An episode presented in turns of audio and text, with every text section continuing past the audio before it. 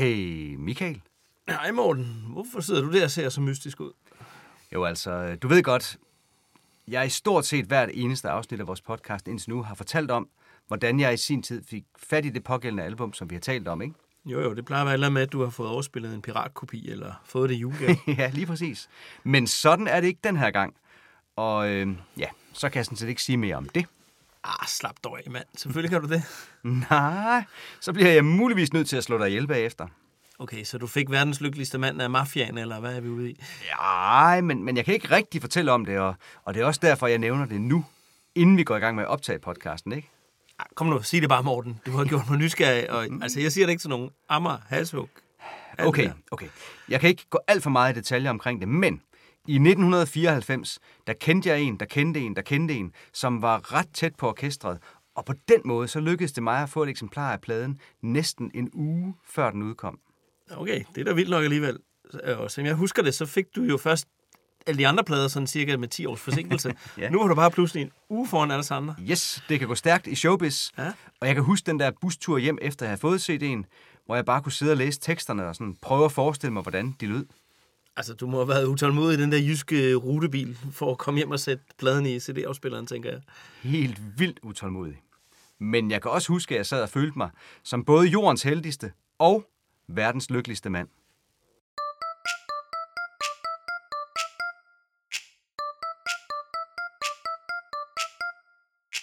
Vi taler kun om TV2 oh, oh. Babadabadabab. De er gode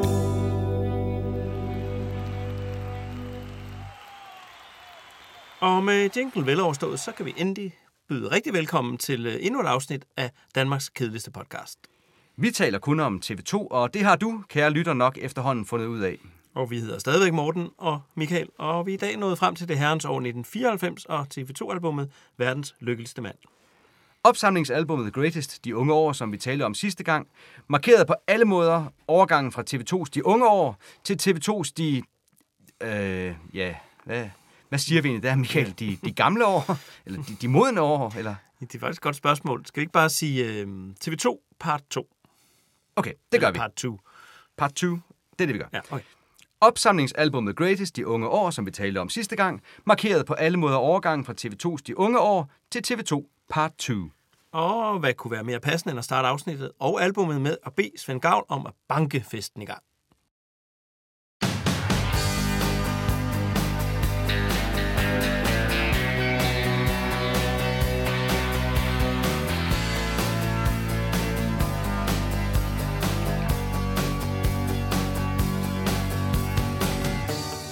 Når alt andet svigter.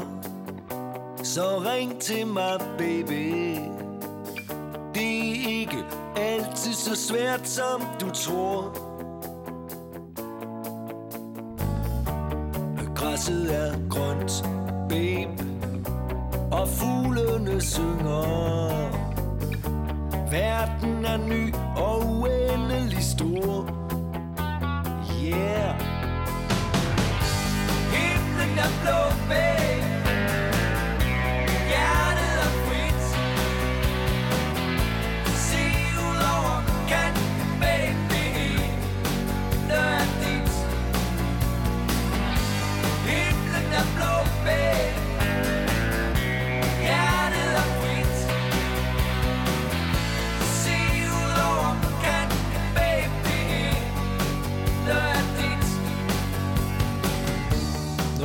når danser.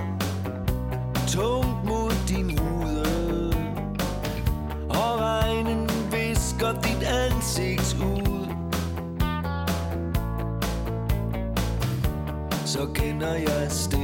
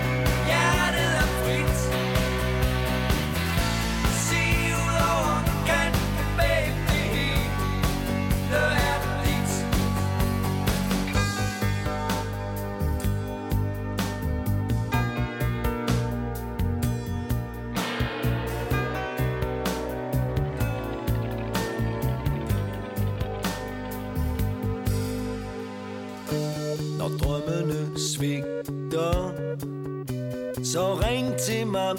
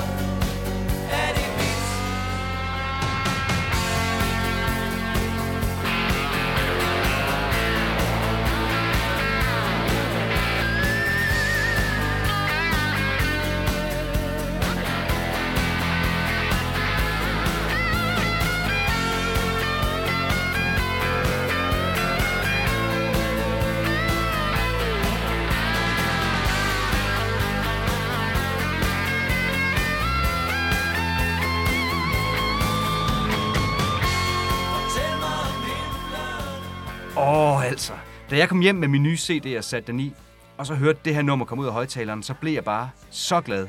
Det lød så godt. Det var så overskudsagtigt, lyst og imødekommende. Jamen, jeg er så enig. Især når man så tænker tilbage på, hvordan det, den seneste studiealbum, altså Slaraffenland, det sluttede med kedelige historier og sådan en tung, mørk blues. Så er det godt nok noget at springe det her.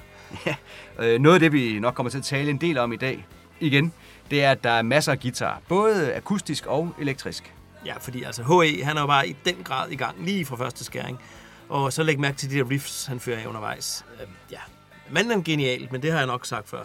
Ja, du har sagt noget lignende et par gange, og jeg er helt enig med dig. Og nu hvor vi alligevel var i gang med at binde en sløjfe tilbage til Slaraffenland, har du så tænkt på, at den plade startede med sangen Tal til mig, mens den her plade starter med opfordringen Ring til mig. Ja, det er faktisk meget sjovt. Har vi gang i Danmarks mest kontaktsøgende orkester her, tror du? Ja, det kan godt være. Jeg kan huske, at jeg var lidt vild med en pige på gymnasiet, og jeg lavede sådan et uh, mixtape til hende, hvis du kan huske den slags. Yep, det kan Ja. jeg huske, ja.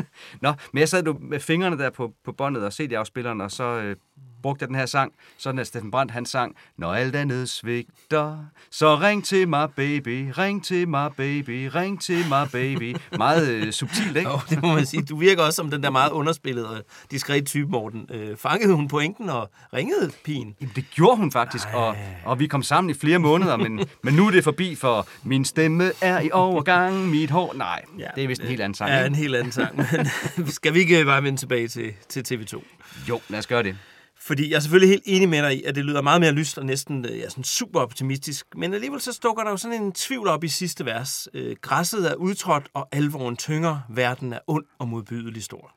Ja, Steffen Brandt ved godt, hvordan det er at være menneske. Tvivlen, uroen og frygten lurer lige under overfladen. Men det er også der, hvor glæden begynder som boblende latter under din hud. Det er altså et af mine yndlings Steffen Brandt udtryk, det der boblende latter under din hud. Det er fedt. Ja, og det, altså det er i hvert fald forkert at tro, at Steffen Brandt han ser livet som sådan en øh, lalleglad forestilling. Det gør han ikke. Heller ikke i den gladeste sang, men bare man har hinanden, så skal det nok gå, så ring nu bare. Men øh, hvad nu, hvis han slet ikke har indset, at hun ikke vil have ham? Ja, ja, hvad nu hvis det der mixtape ikke virker? Hvad, hvad gør man så? Det er et rigtig godt spørgsmål, Michael, men jeg er sikker på, at du finder en slags svar, hvis du sætter dig ned og lytter hele TV2's produktion igennem. Jeg ved ikke, om jeg vil sidde ned. Jeg tror bare, jeg vil danse mig igennem hele produktionen. Så. Og hvis ikke jeg finder svaret, så, øh, så kan jeg jo bare fyre en lille løgn af. Ikke? Øh, fortæl mig om himlen. Lyv for mig lidt. Er der mere tilbage? Er der noget af mit? Men, men nu er det her jo ikke en podcast, hvor vi lyver, er det? Ah, altså, vi prøver i hvert fald at holde os til sandheden så langt hen ad vejen, som det er muligt. Øhm, for ellers har vi jo... Vi har snakket om, vi har den der gamle Shubidua-sang, Jeg er en gris i baghånden. Nå ja, den der med, jeg lyver lidt, det må jeg nemlig godt. Kapitel 1 er om Brigitte Bardot og så mig i en robåd på vej til Hawaii. Yep. Apropos Brigitte Bardot, eller Bardot, som jo nok er en mere rigtig udtale, så er hun blandt andet meget kendt, eller kendt for at kæmpe en hård kamp mod øh, blandt andet øh, grønlandske sælfangere. En kamp, der blev så hårdt, at Greenpeace faktisk senere måtte ud af undskyld. Øh, ja, men hvad har det med TV2 at gøre, spørger den opmærksomme lytter så måske? Ja, det har jo det med TV2 at gøre, at Steffen Brandt på det her tidspunkt, han viser sig frem i Aarhus Stifttidene under overskriften Steffen er vild med sæl, iført en slags fuldskæg og en sælskens anorak. Til avisen sagde han følgende, pelsen vil holde mig varm, Men samtidig vil jeg forhåbentlig bidrage til en diskussion om sælfangst og brugen af sælskind til pelse. Og den diskussion tænker jeg ikke, vi skal gå ind i i dag, men øh, vi kan da aftale, at vi lægger billedet af den pelsklædte Steffen Brandt ude på vores sociale medier. Det lyder som en god aftale. Øh, Billedet er jo taget, da TV2 i oktober 94 var taget til Grønland for tredje gang på den mest omfattende turné, et dansk orkester havde gennemført i Grønland. Øh, Turnéen varede i to uger og bestod af syv koncerter. Og den blev gennemført med fly og helikopter og motorskibet Disco under mottoet i regn, sne og slud, rocken skal ud.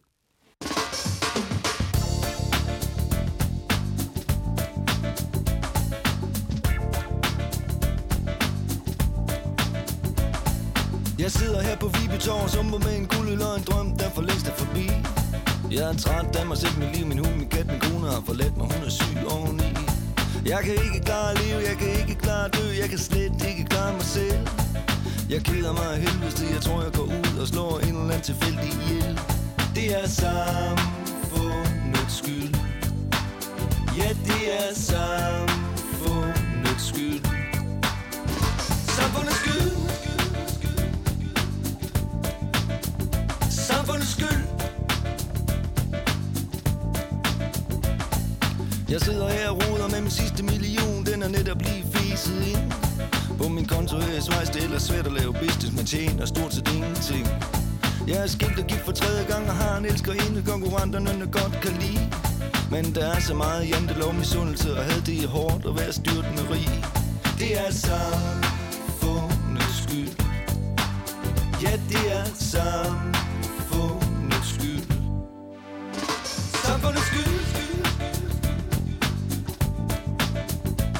Samfundets skyld.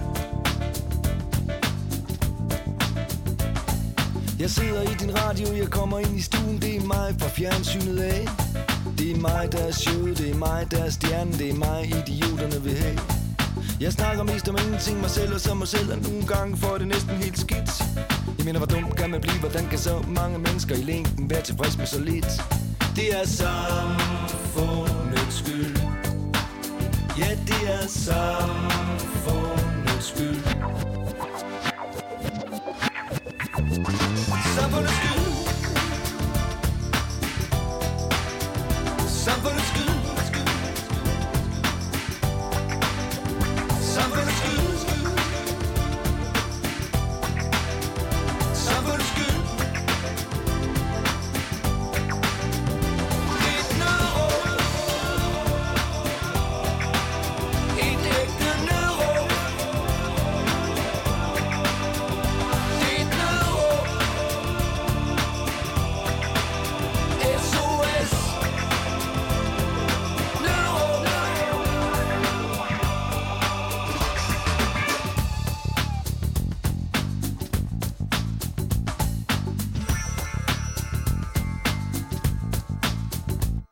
Jeg kunne dag, det var sjov, jeg er fremmed, jeg er flygtet fra en verden i kaos og krig Jeg kommer med min mærkelige sprog, min mad og min kultur og et udseende, du ikke kan lide. Stor, stor næse, busket øjenbryn, papkasse, knald i låg, ikke til at forstå. Raske lille land med kæmpe arbejdsløse krise, vold og herværk, ikke til at tro. Det er alt sammen min skuld Det er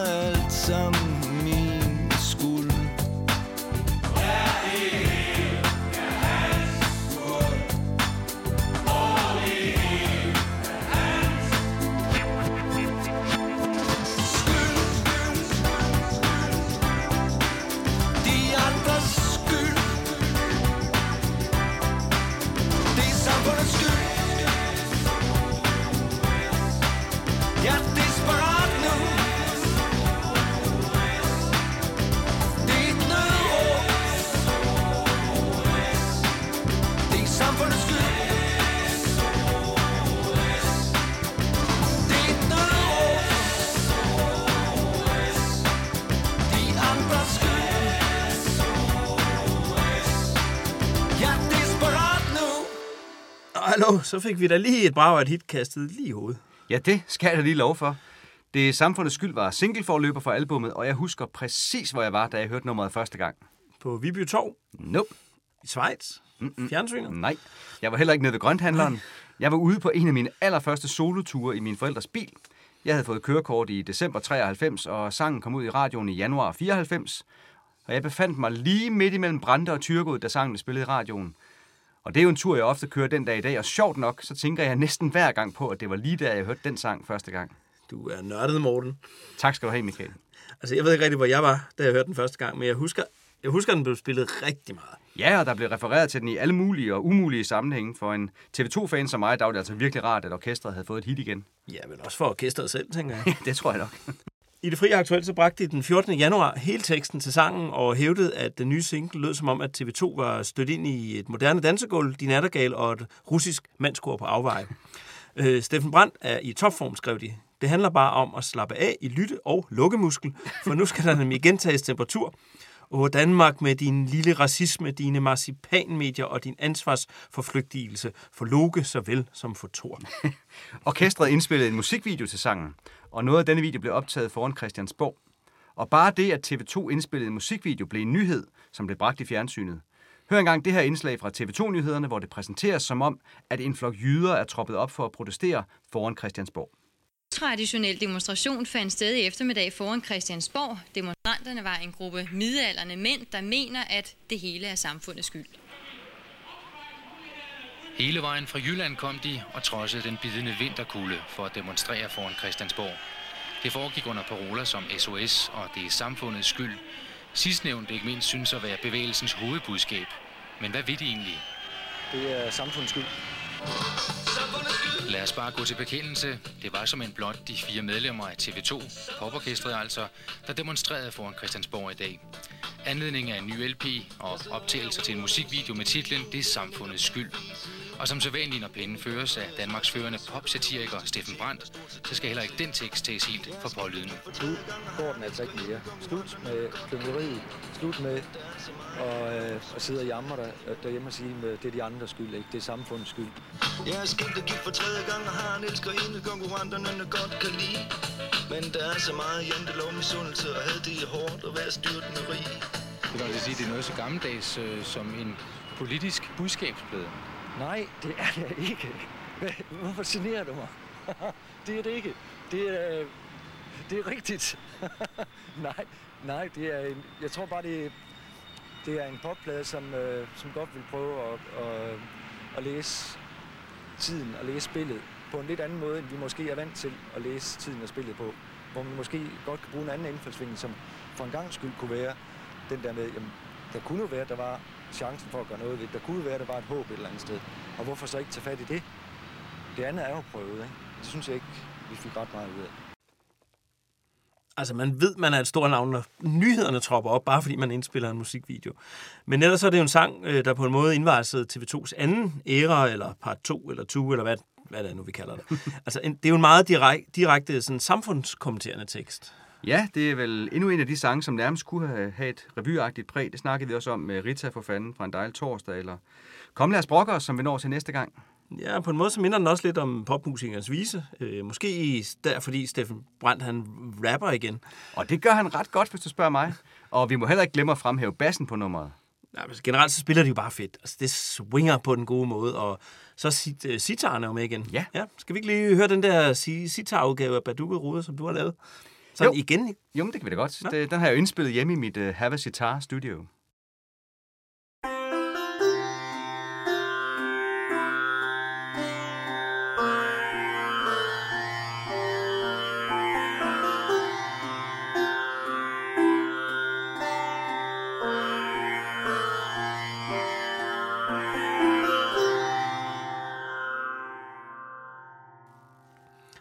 Tilbage til det samfundets skyld. øh, for teksten er jo helt generelt bare sjov. Øh, vi bliver på elegant øh, vis introduceret både for bumsen og millionæren og mediestjernen og indvandreren. Og indvandrerne er i det her tilfælde meget i familie med den indiske taxichauffør fra satireprogrammet Mere Sport om Lidt, som blev spillet af Jes Ingerslev. Måske især også fordi det var Steffen Brandt, der havde skrevet teksterne til taxichauffør-sketcherne i det program, som vi vender tilbage til senere. Ja, det gør vi. Øhm, og øh, da TV2 de medvirkede i elevatoren i forbindelse med pladeudgivelsen, så kom selv samme Jes Ingerslev net ind og mi- mimede det her vers. Øh, og i det hele taget var det en af de mere imponerende optrædener i elevatoren. Øh, Steffen Brandt gennemspillede de øvrige vers for sangen. Først sad han på en bænk forklædt som bums, inden han klædte om til forretningsmand og satte sig ved et skrivebord i næste vers. Ja, så bagefter så satte han sig, sig i værtssofaen og gav den som talkshow-vært, mens elevatorens egentlige værter, de sad og legede gæster. Og som om det ikke var nok, så var der også stillet et kor af postmedarbejdere op, som endte med at pege fingre af indvandrerne i det sidste omkvæd, hvor det hele er hans skuld. Ja, skuld, det er vist et ord, som Steffen Brandt har opfundet til, øh, til lejligheden. Han genbruger jo det ord fire år senere, på, der går min klasselærer, så han kan få omkuld til at rime på skyld. Ja, men altså, jeg tror nok, ordet det er meget ældre. for Jeg har tit sunget den der skuld gammel venskav ren for gå. Okay, Morten, det er noget helt andet. Steffen Brandt har opfundet et ord. Lad os nu lige, det ved du også godt, Morten. Ja, ja. ja, ja altså. Nå, men bortset fra det, så er det altså meget imponerende, hvordan det igen igen er lykkedes for Steffen Brandt at skrive et omkvæd, så bare alle kan synge med på, og som alle også sang med på. Øh, ja, selv jeg kan synge det. Mm. Det er samfundets skyld. Se nu der, Morten. Nu sang jeg podcasten igen. Ja, men hvad skal det ikke ende med, Michael? Ja, det skal ikke være din uh, alene. Ja. Øh, Torben Bille skrev et par år senere i Information, at Shubidua Danmark havde sunget så højt med på det omkvæd, at ironien var blevet upassende tyk for en sangskriver som Steffen Brandt, der holdt mest af underspil og undertoner. Men apropos det at skrive sådan en sang, så var sangen til synlædende startet som noget helt andet. Måske var det endda en sang, som i sin oprindelige form havde passet bedre ind på Slaraffenland. ja, hvordan var det nu, vi fandt den beskrevet i den der artikel fra Aarhus øh, Stifttidende? Jo, øh, der sagde Steffen Brandt sådan her om, hvordan han havde skrevet den. Den opstod i asken af en mismodig sang, som resten af orkestret lyttede andægtigt med på uden kommentar. Men det endte med, at vi alle sammen sad og hulkede for sjov. Åh oh, nej, og det er bare for meget. Og så pludselig var den der. Det er samfundets skyld. Jeg satte mig ovenpå og skrev, og de andre gik i gang med at arbejde videre på musikken. Da de hørte sangen, skreg vi af grin. Ej, jeg gad godt have været en flue på væggen der. så, øh, jeg tror egentlig også, det var meget godt, den gik fra at være mismodig til, øh, til sjov. Og så har jeg bare altid set øh, Dan Rakling for mig i det der vers om mediestjernen. øh, og i den der selvsamme artikel fra Aarhus Stiftet, du lige læste op af, så siger Steffen Brandt faktisk også, at den tekst er ikke rettet mod nogen bestemt, og slet ikke Dan Rakling, vel? Men efterhånden er det eneste, der drejer sig om for studieværterne, at få lov til at lave noget moderne, hvor de selv spiller en alt, alt, alt for væsentlig rolle. Man får fornemmelsen af, at det efterhånden er de samme mennesker, der vader rundt i de samme talkshows. Ja, og Steffen Brandt selv havde da også selvindsigt nok til at erkende, at i løbet af cirka 14 dage hvert andet år, så var han selv den, der løb rundt fra talkshow til talkshow. Det er mig, der er showet, det er mig, der er stjernen, det er mig, idioterne vil have. Lige præcis. Og hold da op, hvor har vi snakket meget om det er samfundets skyld efterhånden. Det er vist ny rekord. Skal vi høre lidt af det Chief Nilsson remix, der er i bokssættet fra 2012? Ja, tak. De havde jo i virkeligheden kun én ting i hovedet.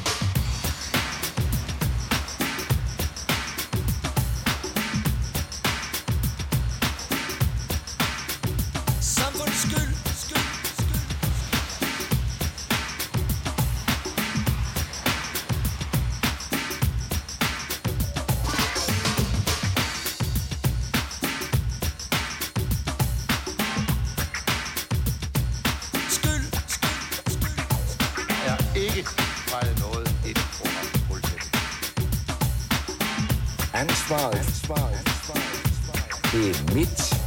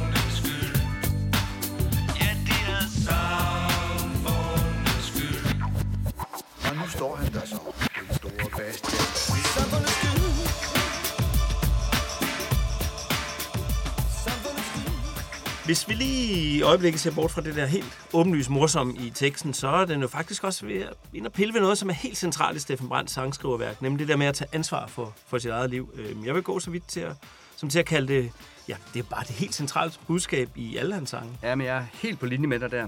Det er lidt nok at grine af alle morsomhederne, men der er alvor bag. Til Holbæk Amts Venstreblad sagde Steffen Brandt selv. Hovedbudskabet i sangen er, at vi selv skal tage ansvaret og selv bestemme over vores liv. Når noget går galt, er det ikke nødvendigvis konens, chefens eller fjernsynets skyld. Man kan selv gøre noget.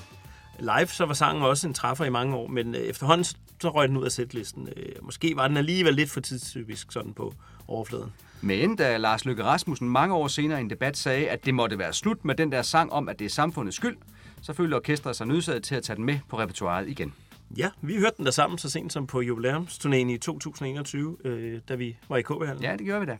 Men øh, så tror jeg også, vi at være helt rundt om den sang. Er, er vi, har vi glemt noget? Øh, nej, men det havde TV2, da de skrev øh, sangteksterne i coveret til, øh, i hvert fald til CD'en. Hvad? Nu igen? Ja, de der to linjer med Goddag, det var sjov, jeg er fremmed, jeg er flygtet fra en verden i kaos og krig, det var simpelthen ikke med i teksterne. Nå, det er skørt. Ja. Jamen, det kan jo kikse for os selv den bedste. Men nu hvor vi er i gang med at samle op, så kan vi da også lige nævne, at sangen var med i den grønlandske film Lysets Hjerte fra 1997, og at sangen var den sjette mest spillede på DR's kanaler i 1994. Så bliver jeg nysgerrig. Hvad var så den mest spillet? Har du også fundet ud af det? Ja, ja, ja, det var Flying med Nice Little Penguins. Okay. Nå. Øhm, kan jeg ikke bare lige få lov at høre H.E. spille den mest ikoniske guitarintro siden alt, hvad hun ville var at danse?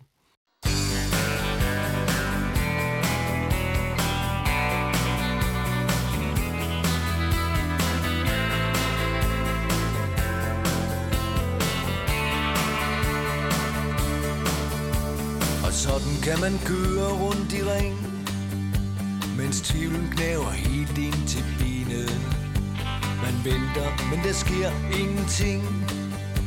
Du kender garanteret fænomenet.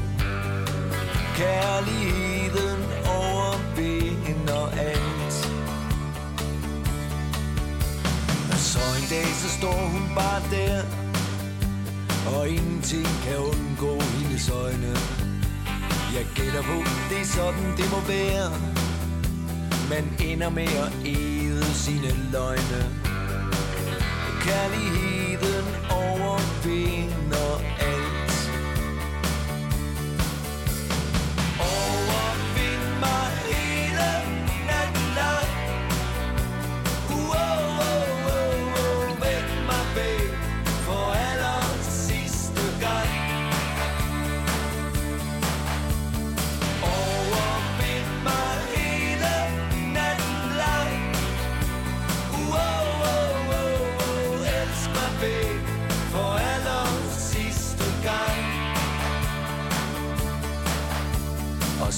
kan man blive så dejligt træt Mens tilværelsen kører på rutinen?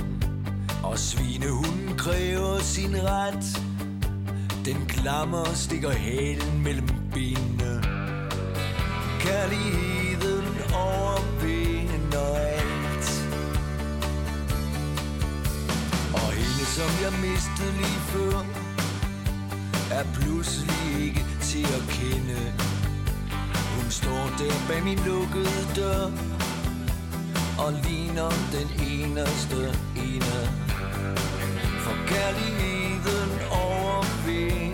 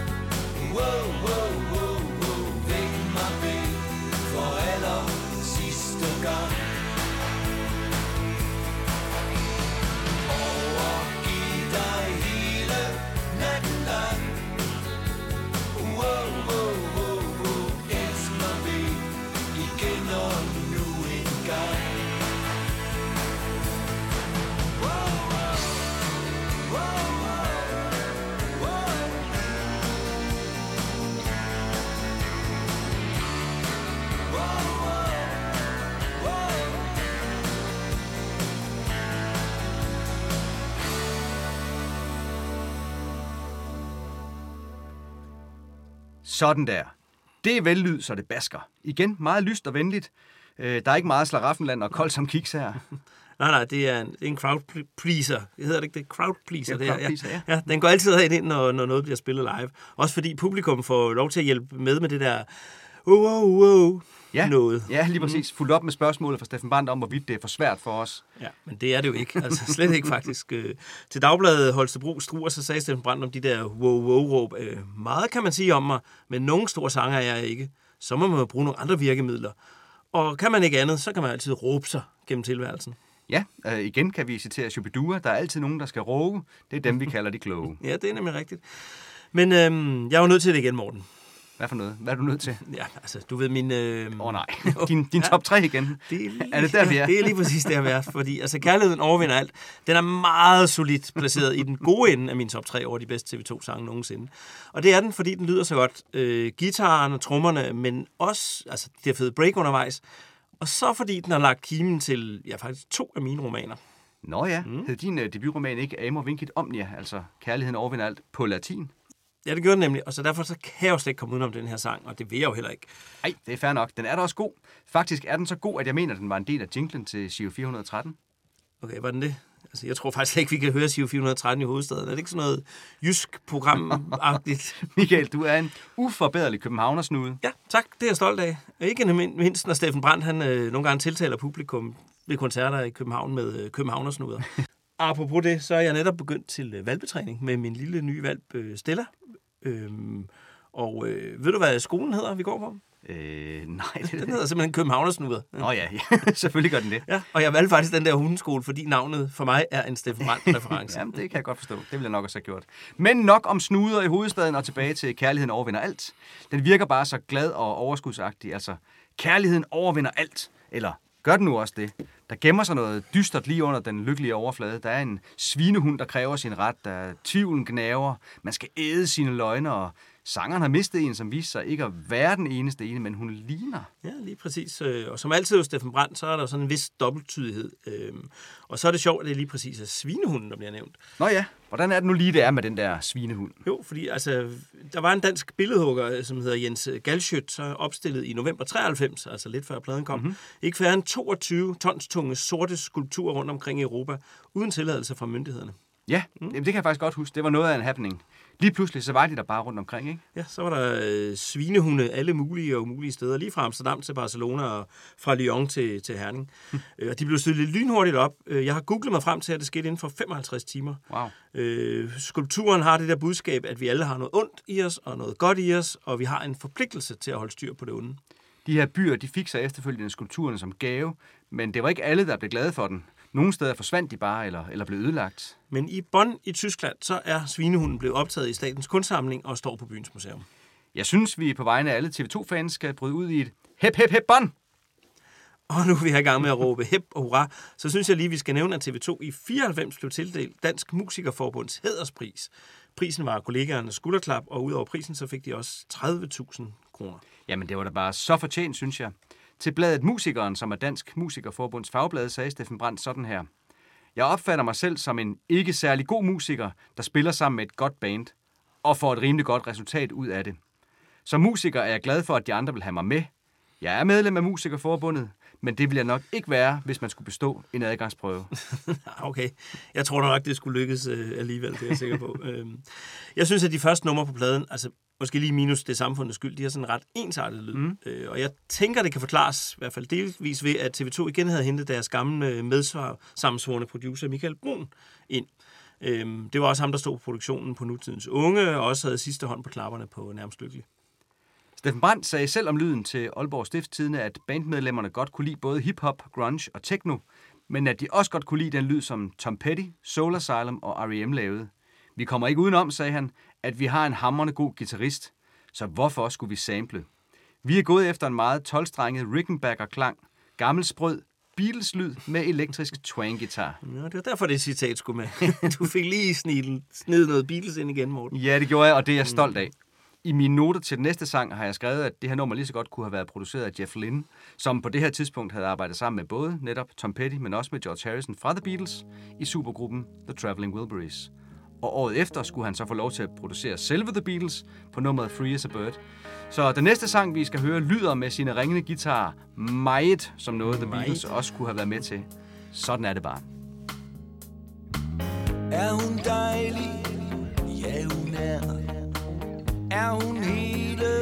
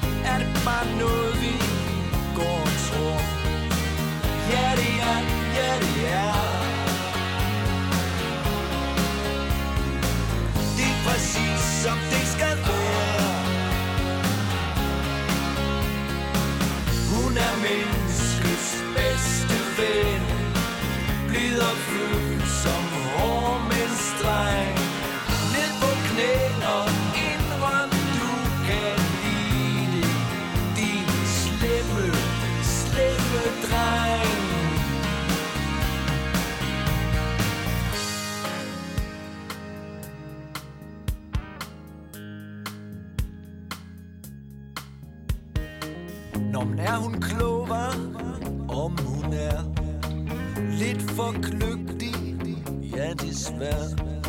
Men hun er min, og hun er din, ja hun er.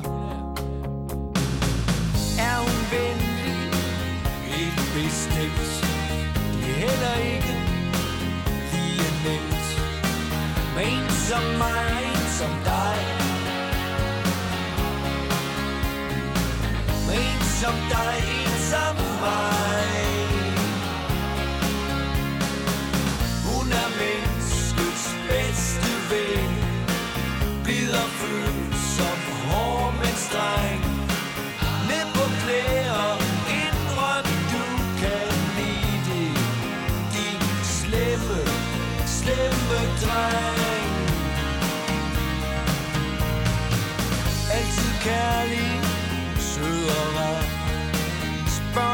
ikke Sådan er det bare. Sådan er det bare, ja det er. Det er lige præcis som det skal være.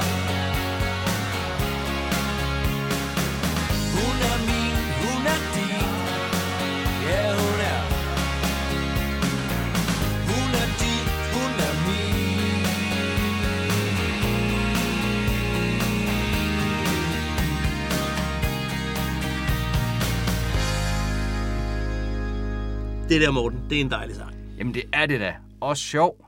Ja, helt vildt. Øh, meget provokerende i virkeligheden. Øh, jeg tror kun, det er Steffen Brandt, der kan slippe afsted med at kalde kvinden for menneskets bedste ven. ja, jeg tænker, det kræver lidt øh, opsparet velvilje fra den kvindelige del af befolkningen. Ja, der er meget hundesnak i dag. Svinehunde, snuder og... Ja, ja, ja. Men øh, må ikke også øh, den kvindelige del af befolkningen efterhånden kender ham godt. Øh, men havde han nu sunget noget lignende på TV2's debutplade, så var det ikke sikkert, det var gået. Nej, det tror jeg, du har ret i. Øh, men hvor kvinden i rigtig mænd var nede på alle fire, så er det faktisk her mand, manden i skikkelse af den slemme, slemme dreng, der skal ned på knæ og indrømme, at han kan lide det. Og øh, Steffen Brandt roder sig ikke ud i alle mulige forklaringer om, hvad han mener om kønsrolledebatten. Han giver det simpleste svar overhovedet på et af de sværeste spørgsmål i den offentlige debat. Sådan er det bare. Ja, han kunne jo også have sunget øh, Lev med det. I det hele taget er det ikke en sang, hvor han forsøger at skjule budskabet. Han har aldrig lagt skjul på, at sangen er tænkt som den ultimative hyldest til kvinden som sådan. Dagbladet Holstebro Struer spurgte ham, om han kunne blive ved med at skrive hyldestsange til kvinden. Og til det spørgsmål svarede han sådan her. Det er jo det gode ved kvinden som sådan. Det er ikke et spørgsmål, om jeg kan blive ved. Man er nødt til at blive ved med at hylde kvinden, for ellers går det slet ikke. Hun skal hyldes, for det har hun bedst af. Der er jo ikke grænser for, hvad en hyldest kan sætte gang i af alt det, vi mænd godt kan lide. Det er en kombination af, at jeg rent faktisk synes, at kvinden som sådan er en hyldest værd, og jeg tror, at de fleste mænd kan gribes af den stemning, der hedder, at det er ret fedt med de kvinder.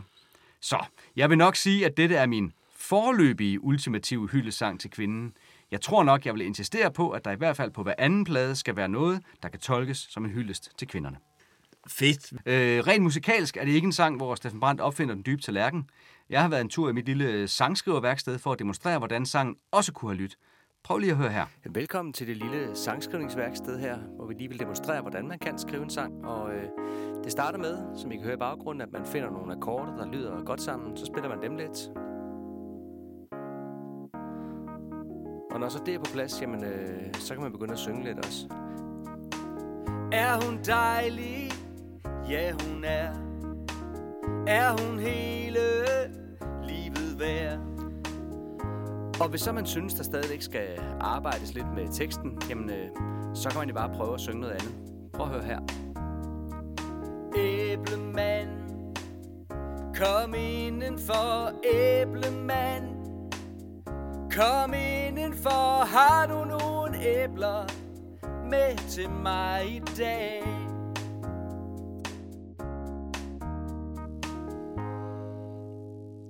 Sjovt nok, Morten, men jeg kan jo jeg kan bedre lide, sådan er det bare en æblemand. Ja, jeg, jeg er jo heller ikke helt færre, vel, fordi sådan er det bare udvikler sig også undervejs. Det gør æblemand faktisk ikke. Nej, men øh, nu har vi haft æblemand med i podcasten, så jeg synes sådan set allerede godt, at vi på nuværende tidspunkt kan høre et par anmeldelser fra pladen fra den gang. Ja, øh, lad os bare komme i gang med dem. Der er mange at vælge mellem i dag. Yep, vi starter med øh, BT. De havde fundet fem stjerner frem til verdens lykkeligste mand, og under overskriften TV2 i topform skrev Susanne Johansen disse ord. Brandt og Company har fundet optimisten frem fra fjernlæret og mener sgu, at vi alle har muligheden for at blive verdens lykkeligste mand. MK, hvis vi selv ved det. Hans Erik Lærkenfeldt har altid vidst, hvordan han skulle spille sine strenge, men her overgår han sig selv. Den mand spiller ganske enkelt som en drøm på dette album. Verdens lykkeligste mand er ganske enkelt det bedste TV2, TV2 længe har budt os. Det er, mine damer og herrer, et orkester i absolut topform. Niels Pedersen mente i Jyllandsposten, at TV2 var på omgangshøjde med tiden. Bassisten Georg Olsen er konstant med til at skabe det intense drive, meget stærkt i det samfundets skyld, og når musikken virkelig letter i den yderste dansable madder retfærdighed, er det også bassens skyld. I det nummer, og i den Kasper Vinding producerede Stormfulde Højder, har Svend Gavl genfundet trommemaskinerne, og TV2 lyder næsten som dengang, før rockband-idéerne. Verdens lykkeligste mand er en moderne popplade, ikke moderigtig eller smart, men et album, der kommer lige til tiden. Jeg synes måske, det er lidt sjovt at kalde mad og retfærdighed for en dansabel lige frem. Men, ja, men ja. på med danseskoen, du kan godt danse til den, vi, tror jeg. Vi prøver. I politikken så kaldte Anders Rov Jensen pladen for lunefuld lovsang og tilføjet. Der er opmuntrende momenter, navnlig Hans Erik Lærkenfelds jordstrygende, dynamiske og smidige, men samtidig overlænt afmålte guitarspil – samt naturligvis hele gruppens usvækkede, langfingrede og legeløsende omgang med en vifte af stilarter, der her bringer bringes sammen uden forbehold i en humørfuld fællesnævner af frækhed, rustine og charme. Det kan man godt blive lidt øre i hovedet af. Lars B. Jørgensen påstod i Berlingske Tidene, at TV2 var friske med det hele, og skrev sådan her om pladen. Materialet på verdens lykkeligste mand viser endnu en gang, at TV2 kan skrive virilt vitaminstruttende melodier, der både virker som et befriende frisk pust og et kærligt spark i røven til danskens selvtilstrækkelighed og menneskets værste ven, den indre svinehund. På vanlig vis er denne gedine og meningsfulde vare pakket ind som nærmest naturstridigt i ørefaldende pop. Der er forår i luften for verdens lykkeligste mand, som møder sig selv og sine mærkesager med friske øjne. Hverken 40, fed eller færdig. Okay, lad os lige holde en pause fra alle anmeldernes sprogblomster her, og øh, lad os høre albumets titelsang. Er du klar til lidt gang ind, Morten?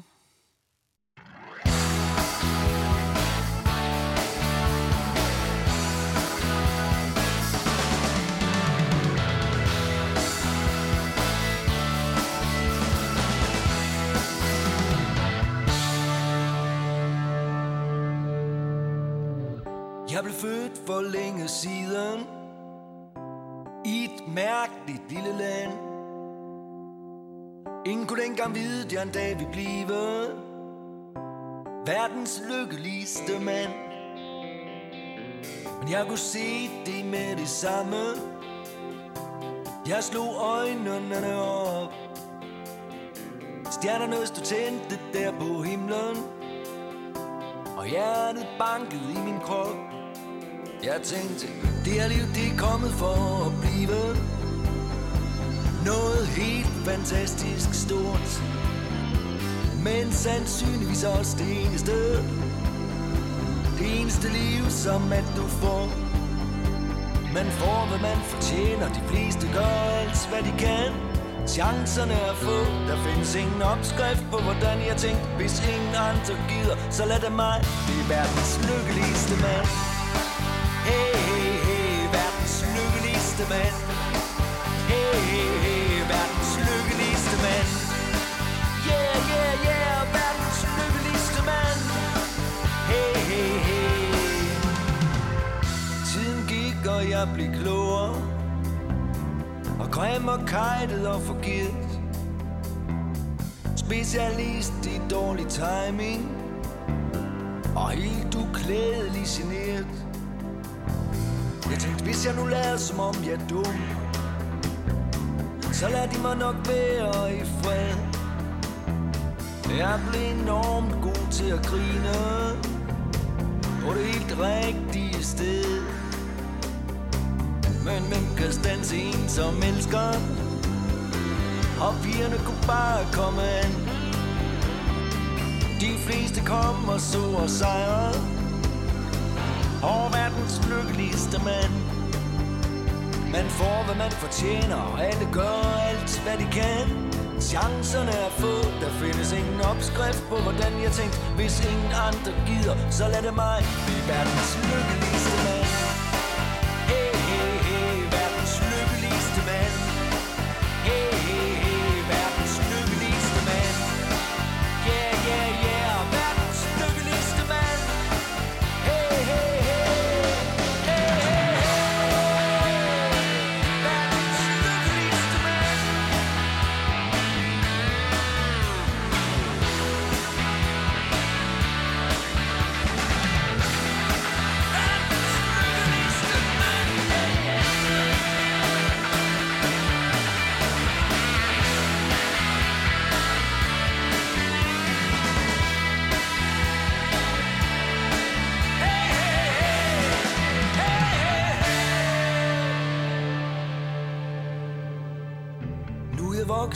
forstandig Og man skal ikke se sig tilbage.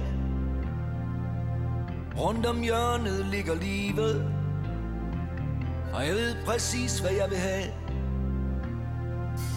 Der er frit valg på alle hylder. Selv bedrag hvis det skal være. Romantik og stjernedrømme. Kold beregning, vildt begær. Men jeg er en sart og følsom sjæl, babe. Du ved den dybe grund, det stille vand. Og helt dernede, hvor det sortner Er verdens lykkeligste mand. Man får, hvad man fortjener. De fleste gør alt, hvad de kan. Chancerne er få. Der findes ingen opskrift på, hvordan. Men pludselig så står du der I regn og sne og slud og blæst En forår, sommer, vinterdag Et øjeblik, et nu og du Er verdens lykkeligste mand. Hey, hey, hey Verdens lykkeligste mand. God fornøjelse. Hey, hey, hey.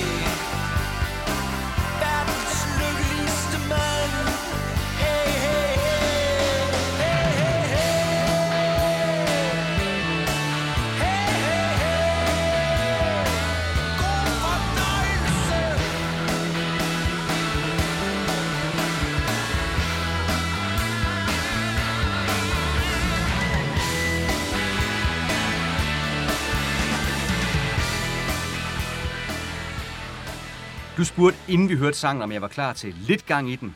Her var der vildt meget gang i den. Wow for en sang, altså. Man kan godt høre, det er det samme bane, som tre år tidligere indspillede den forrygende coverversion af Lou Reed's Sweet Jane. Ja, det er ikke en diskret antydning eller en underspillet parentes. Det er et brav af en rocksang. Øh, Steffen Brandt, han er ikke længere bare nærmest lykkelig. Han er verdens lykkeligste mand. Og det kan man høre. Ja, det skal jeg da lige lov for. Svend Gavl sagde faktisk til Aarhus Stifttidende, at Steffen Brandt virkede lykkeligere end nogensinde på det her tidspunkt.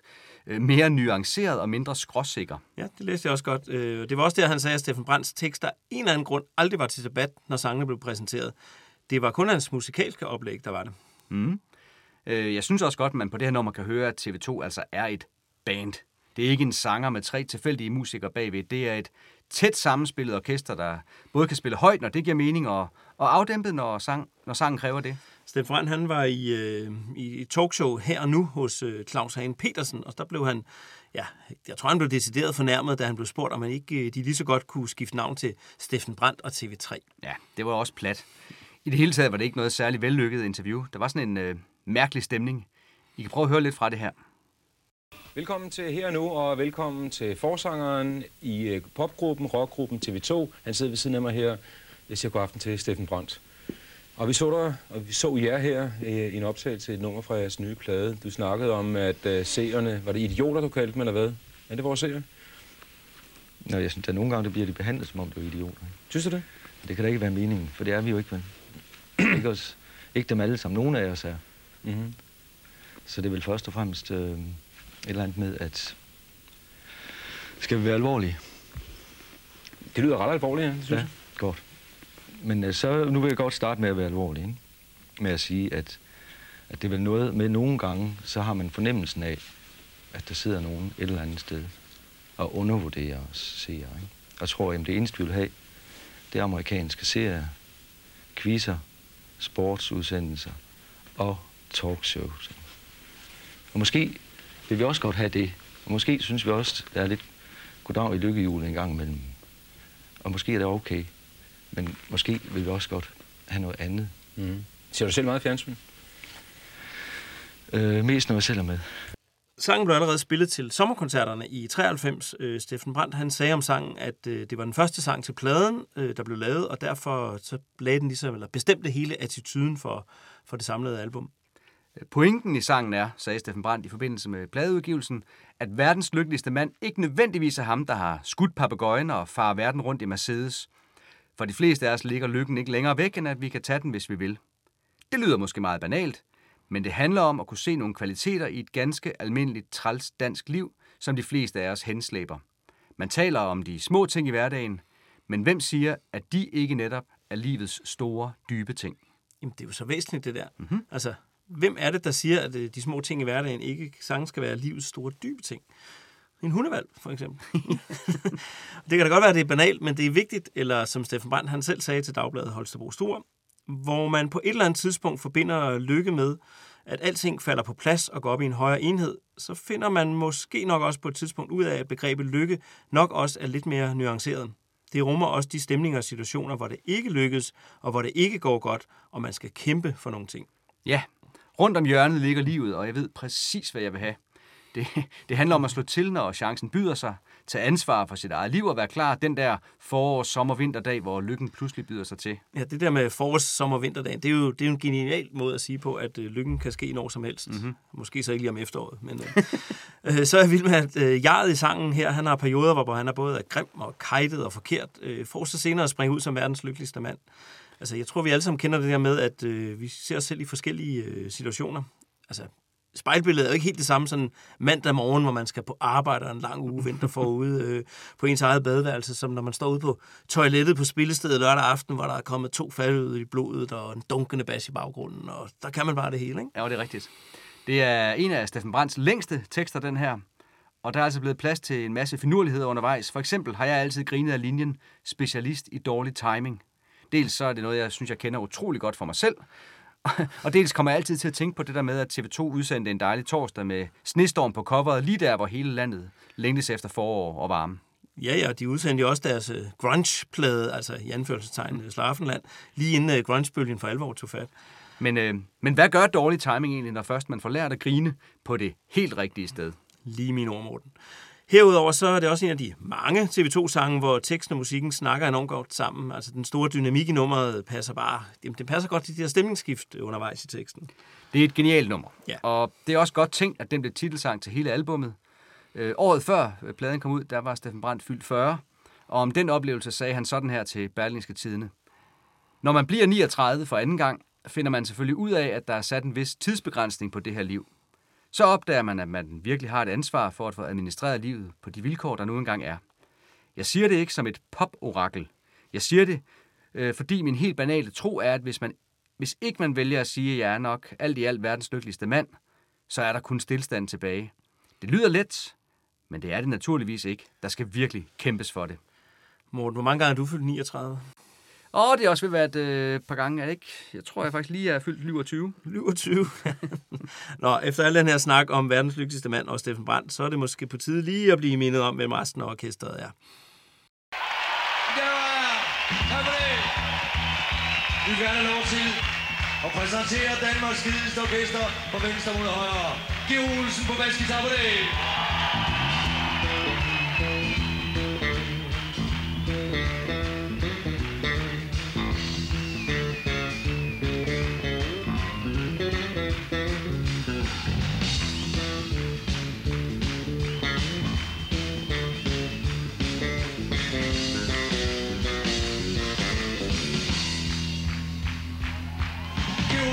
Olsen basgitar.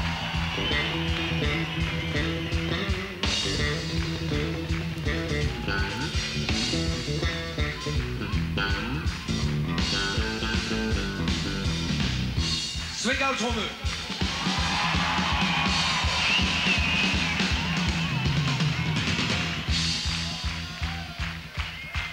Og som vi tidligere har været inde på, så har vi en ung ny med i orkestret.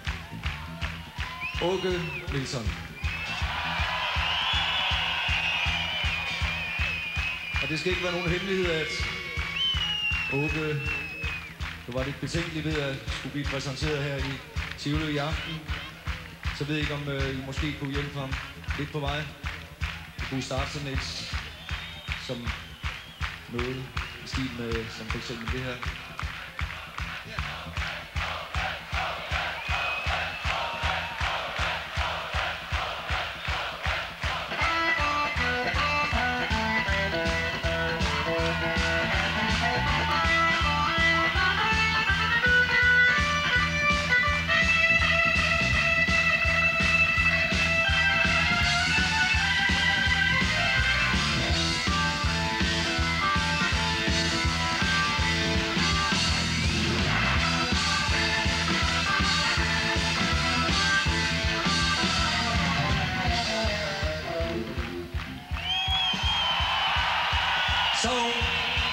Så ny, mine damer og herrer. Ove Nielsen.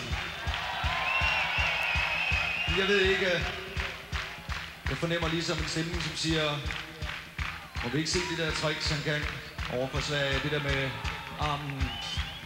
Har jeg ret, det har jeg. Skal vi se det trick med armen, mine damer og herrer? Hvor det, hvor det, hvor det? Ove Nielsen, hvor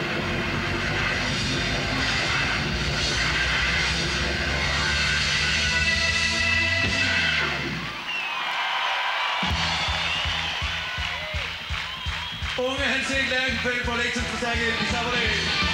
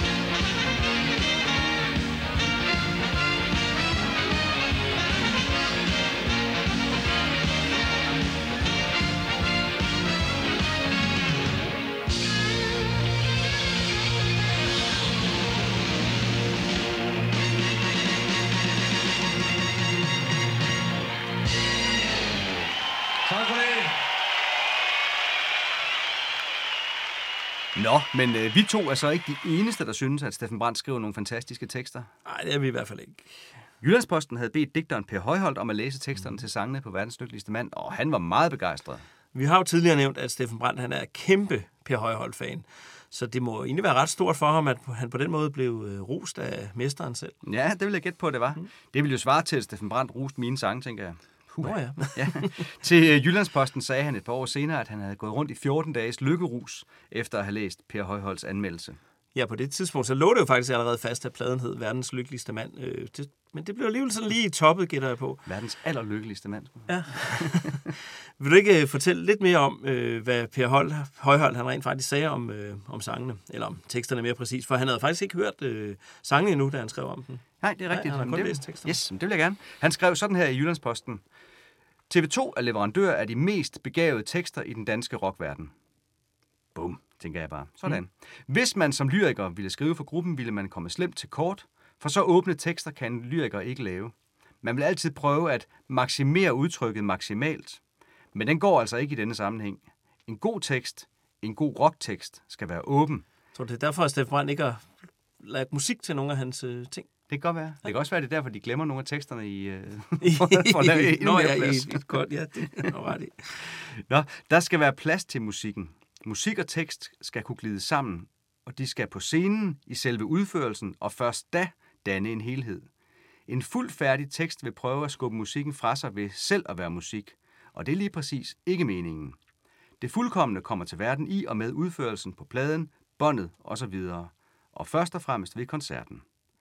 Når man læser TV2's tekster, kan man godt blive helt stolt.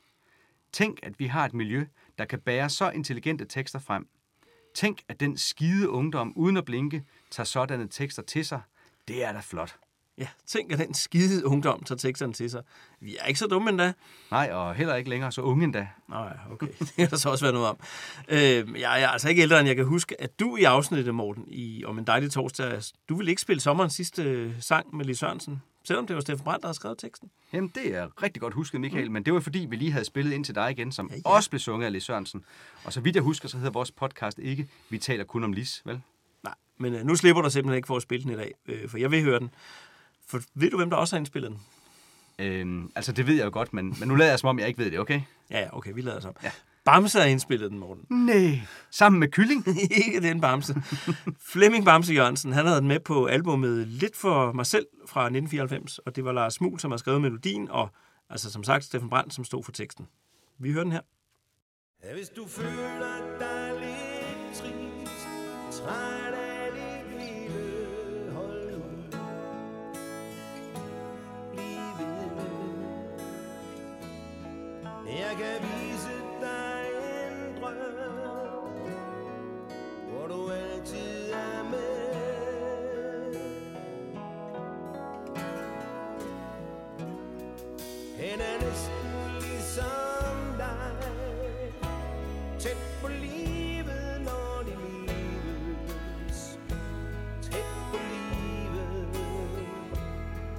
Han er næsten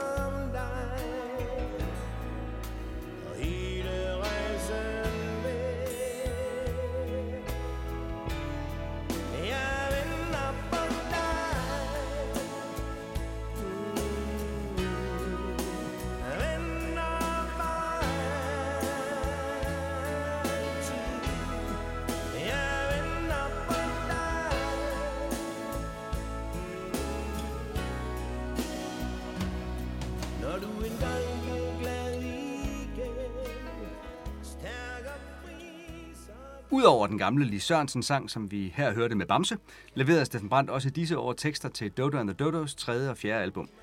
Ja, og øh, Dodo og TV2, de har også det til fælles, at begge kunstnere har arbejdet sammen med Henrik Nielsen og Greg Walsh. Nå, Weiter geht's med et par an- albumanmeldelser mere, og de var ikke alle sammen positive, vel? Nej, vi har da fundet noget i Ringsted Dagblad, hvor øh, Jan Ågaard han mener, at øh, det er TV2, som vi kender dem fra de foregående 10 album. Der er intet nyt på kanalen. Det er 1, 2, 3, 4 og derudad i ørefaldene og velkomponeret, ja vist. Men nyhederne savner man efter en lang pladepause fra et af dansk rockens store navne. Okay så, altså Ja, bæv, bæv. for mig der er det den største ros overhovedet til et TV2-album, at det er TV2, som vi kender dem. Ja. Men, men det er nok ikke det, han mente. Nej. Det fri aktuelt Kim Skotte kaldte albummet for en konservativ klassiker. Verdens lykkeligste mand, skrev han, er en ny, gammeldags TV2-plade, som ikke er hørt meget bedre. Der er blevet plads til ganske mange elegante og fantasifulde udflugter i lydens landskaber, men de er alle sammen underlagt, hvad der ligner TV2's endelige form. Slaraffenland var en drøm. Virkeligheden går klædt i sort og præsenterer sig som altid i TV2's tilfælde med et venligt og yderst diskret ironisk smil. Ganske vist er det en ny plade, der er så typisk TV2, at det næsten ligner en genudsendelse, men det er først og fremmest en fuldgod og forstandig popplade, der kun kan gøre et aldrende dansk popvrag nærmest lykkelig. Det var da en okay anmeldelse også, Ja, ikke? Ja, ja.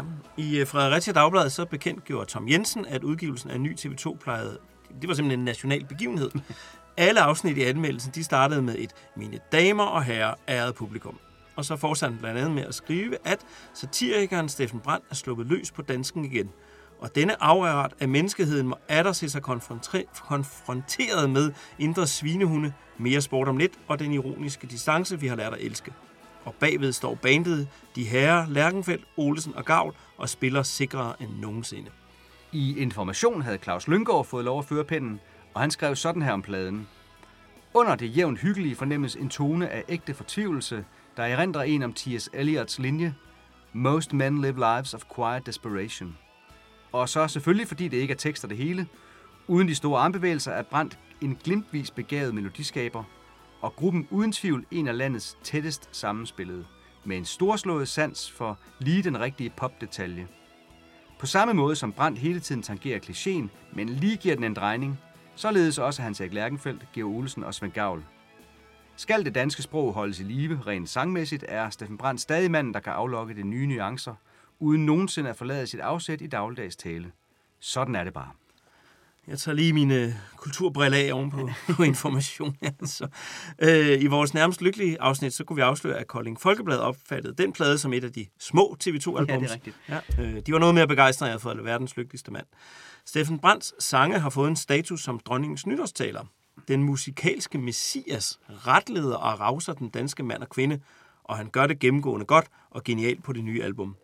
Album er bredere end tidligere TV2-udspil. Sangskriver Brandt græmser på hylderne med musikalske stilarter. De første 5-6 sang, fem, seks sange er klassisk TV2, mens der eksperimenteres på den sidste halvdel af albummet. Og de sange vinder ved genhør. Den musikalske messias. Ja. Hold nu op. Hvad er der i vejen med Jesus fra Jylland? Men bortset fra det, så lagde jeg mærke til, at verdens lykkeligste mand mange steder blev sammenlignet med netop nærmest lykkelig. Men jeg tænker, at det i høj grad har noget med pladens tema at gøre. Ja, altså at lykken findes, øh, og man ikke skal lede alle mulige andre steder, men man har, den har lidt mere du, sådan lige op for en københavnersnude på en, hvis man ellers bare lige husker at kigge efter. Yes. Lad os øh, høre noget musik igen. Hey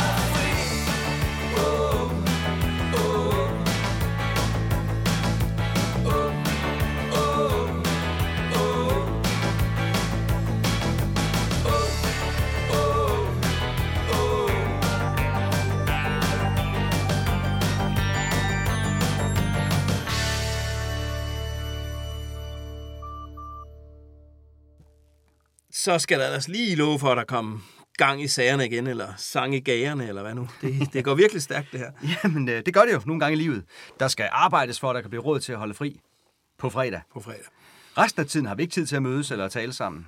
Nej, og lykken, den var der så om igen. Altså lige rundt om hjørnet, ja. eller i hvert fald på fredag. Så husk nu også at nyde forventningsglæde. Ja, altså jeg hører den her sang som en slags øh, fri som fuglen, part 2. Når jeg engang får tid, så skal vi have det godt sammen. Og så er det bare et super fedt nummer, ikke? Altså prøv lige at komme i dit aller, aller dårligste mandags morgen blues humør, og så spil den her sang, og så se om du kan holde det der humør. Det tror jeg ikke, du kan. Nej, det er en sang, man bliver glad i låget af at lytte til. Jeg har altid spillet den for mine kolleger rundt omkring, hvis jeg vidste, at jeg havde fri den kommende fredag. Også hvis det for eksempel var ugen med stor bededag. Jeg synes egentlig, at sangen burde blive spillet fast på alle landsdækkende kanaler den uge, hvor stor bededag ligger. Det må vi øh, prøve at få indført, Michael. Jamen, det var da en uh, glimrende idé. Øh, Du går bare i gang. og så er det jo en fornøjelse, at der i den her sang bliver citeret lystigt fra en berømt uh, 60'er-gruppe, der for en gang skyld ikke er The Beatles. Det er rigtigt, ja. De genbruger simpelthen orgeltemaet fra Light My Fire undervejs. Jeg elsker, når TV2 gør den slags. The Doors var jo også et af de der band, øh, som bandet nævnte som inspirationskilder i forbindelse med Slaraffenland. Åh oh ja, sammen med Creamy. Ah, undskyld, Cream. Skal du nu til at lave, øh, vi taler kun om Creamy podcast igen, Morten? Nej, det var sidste gang, de var med, det lover jeg. Ja, lad os nu se. Ja, for nu hvor vi er i gang med at snakke om unge piger, så finder man altså ud af en mærkelig ting, når man researcher til sådan et afsnit ja. her. I politikens sportssektion fra den 17. september 1994, der kunne man læse om, hvordan håndboldpigerne under ledelse af Ulrik Vilbæk og med Anja Andersen, Anne Dorte Tannerup og Rikke Solberg som profiler, var til EM i Tyskland og trænede i en hal i Stuttgart. Har det noget med TV2 at gøre, spørger du? Nej, det spørger jeg så. Har det noget med TV2 at gøre? Ja, de havde nemlig en ghettoblaster med til træning, og de hørte simpelthen sangen På fredag har jeg fri. Ah. Journalisten skrev så, Forhåbentlig koncentrerede pigerne sig om rytmerne og ikke om teksten, for på fredag skulle de gerne være på vej fra Bonn til Berlin for at gøre klar til semifinaleopgøret på lørdag. Steffen Brandt må godt holde fri på fredag. Vi andre rejser til Berlin. Og hvordan gik det så? Vandt de? Jamen, det er jo åndssvagt, ikke også? For efter den her historie, så var jeg nødt til lige at grave videre for at se, hvordan det var gået dem. Og ja, de endte med at vinde turneringen. Hurra for det, tror jeg. Nå, hvis man så troede, det var slut med sporten for i dag, så tog man fejl. Ja, for både i virkeligheden og i vores podcast Og på verdens lykkeligste mand. er der mere sport om lidt.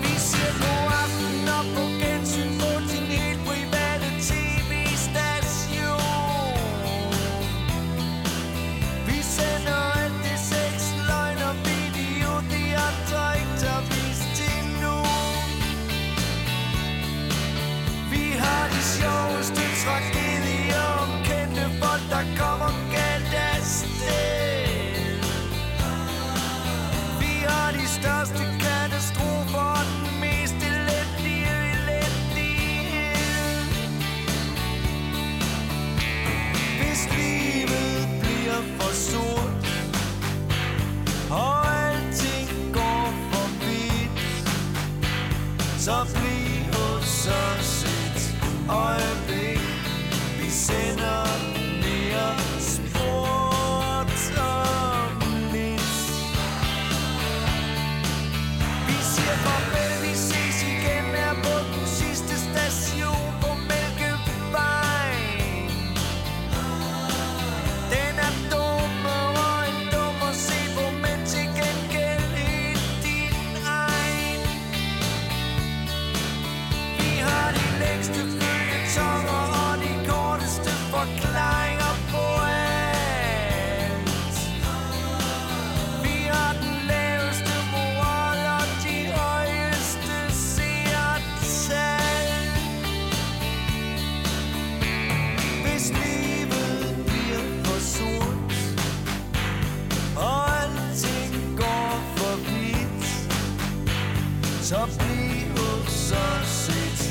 øjeblik Vi sender mere.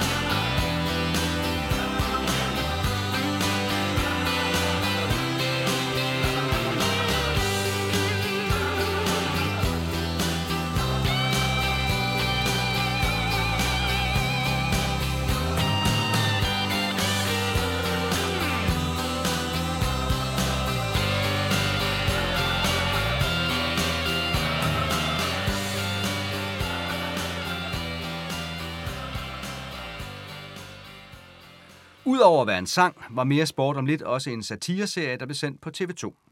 En af de tilbagevendende figurer i serien var en indisk taxichauffør spillet af A.S. Ingerslev, der altid sluttede af med at sige, det bliver lige 100 kroner. Ja, og en anden af hans catchphrases, det var, hvor skal vi hindu? Og det var vi der nogen, der gik rundt og sagde til hinanden der tilbage i 93, for de der 10 programmer blev sendt. Øhm, men det var altså også derfor, at det jo lige netop var Jens Ingerslev, som medvirkede i elevatoren, som, da de optrådte der, øhm, som vi talte om tidligere med Det samfundets skyld. Yes. Titelsang til satireprogrammet, det var en instrumental udgave af Mere Sport om lidt, og jeg kan huske, at jeg bare håbede så meget på, at den ville komme med på det kommende TV2-album med tekst. Og det gjorde den jo så, og det var en god tekst. Øh, Det var måske sådan en slags opdatering af den der gamle, hvad skal jeg svare mit tv? Ja, det kan man da godt sige. Ja. Den her tekst indeholder en masse modsætninger, der bliver sat op over for hinanden. Vi har de længste følgetonger og de korteste forklaringer på alt. Vi har den laveste moral og de højeste seertal. Og hvis livet bliver for sort, og det hele går for hvidt, det er, det er simpelt, men det er, nå ja, genialt. Ja, og når der så bliver sunget om, at øh, tv-stationen sender alt det sex, løgn og video, som de andre ikke vil vise til nogen, så er det heller ikke et tilfældigt ordvalg, fordi at øh, sex, løgn og video, det er titlen på Steven Soderbergs filmklassiker fra 1989 med James Spader og Andy McDowell i hovedrollerne. Mm-hmm. Mm. Seks løgn og video. Er det en opfølger til fem løgn og video og fire løgn og video? Jeg tror, du har for meget Andy McDowell i hovedet, Morten. så hvad tror du selv? Jeg tror, at den her sang musikalsk er meget inspireret af The Traveling Wilburys-klassikeren Handle with Care. Ja. Og selvom sangen har nogle år på banen efterhånden, og selvom man i dag ser tv på en helt anden måde end i 1994, så er den stadig skræmmende aktuel. Følgetongerne i tv bliver bare stadig længere og længere og længere, og der er mere sport end nogensinde før. Ja, det må man sige. Øhm, og hvis der er nogen, der har lyttet til de tidligere afsnit af den her podcast, så vil de jo vide, at ja, netop tv, det er jo ikke noget nyt emne for Steffen Brandt og TV2. Altså, hallo, de har også navngivet sig selv efter en tv-station, der slet ikke fandtes endnu. Og øh, fjernsynsapparaterne, de har jo af flere omgange sådan været med på scenen og i teksterne. Mm-hmm. Steffen Brandt talte meget om tv i de interviews, han gav i forbindelse med pladen, og til Holbæk Amts Venstreblad sagde han sådan her. Underholdning og godt tv er ikke nødvendigvis en smart studievært og en masse blinkende lamper. For mig er godt tv noget med engagement, og det kan lige så godt være et program med to landmænd fra Nordjylland, som har noget på hjerte, eller historien om en, der har rejst jorden rundt. Sporten i fjernsynet er blevet klart forbedret, efter de er begyndt at vise så meget kvindehåndbold. Det er kønt at se på, også rent sportsligt. Så måske burde sangen have heddet mere kvindehåndbold nu. Øh, der er jo meget kvindehåndbold. Vi kommer tilbage til det på en, i næste afsnit. Ja, ikke? det Øh, ja, og, og der var også planer om, at orkestret skulle prøve at spille sig ind i svenskerne og nordmændenes hjerter, du ved, ligesom øh, det i sin tid var lykkes for gasolin. Øhm, og i den forbindelse så sagde Steffen Brandt, du må gerne skrive, at vi planlægger at lave det som en fast fællestur med det danske kvindehåndboldslandshold med Anja Andersen. Må ikke hun vil være en fremragende trommeslager.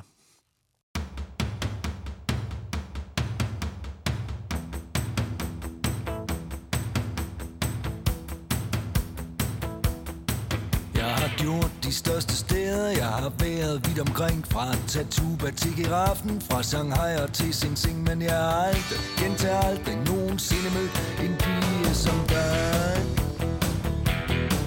Jeg har været gennem regnen Som da morgen klokken fem Kendt den ene snart den anden Uden at finde vejen hjem For jeg har aldrig, gentager aldrig nogensinde mødt En pige som dig er det mål? Briller, som du vil? Er det øjnene, der skiller? Er det mig, de skiller til? Oh yeah, oh yeah, oh yeah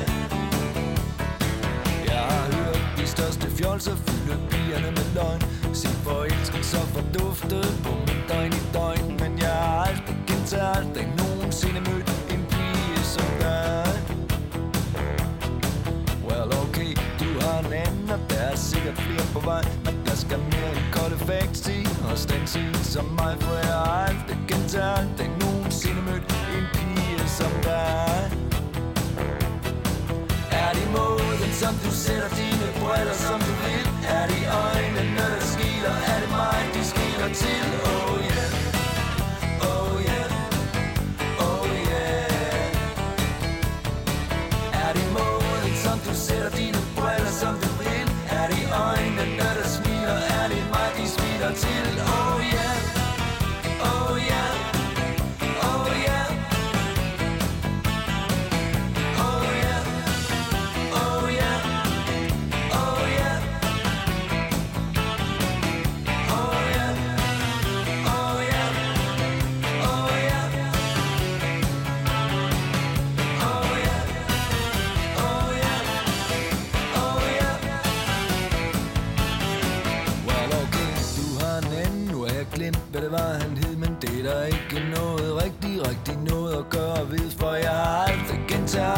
Aldrig, aldrig, nogensinde mødt en pige som dig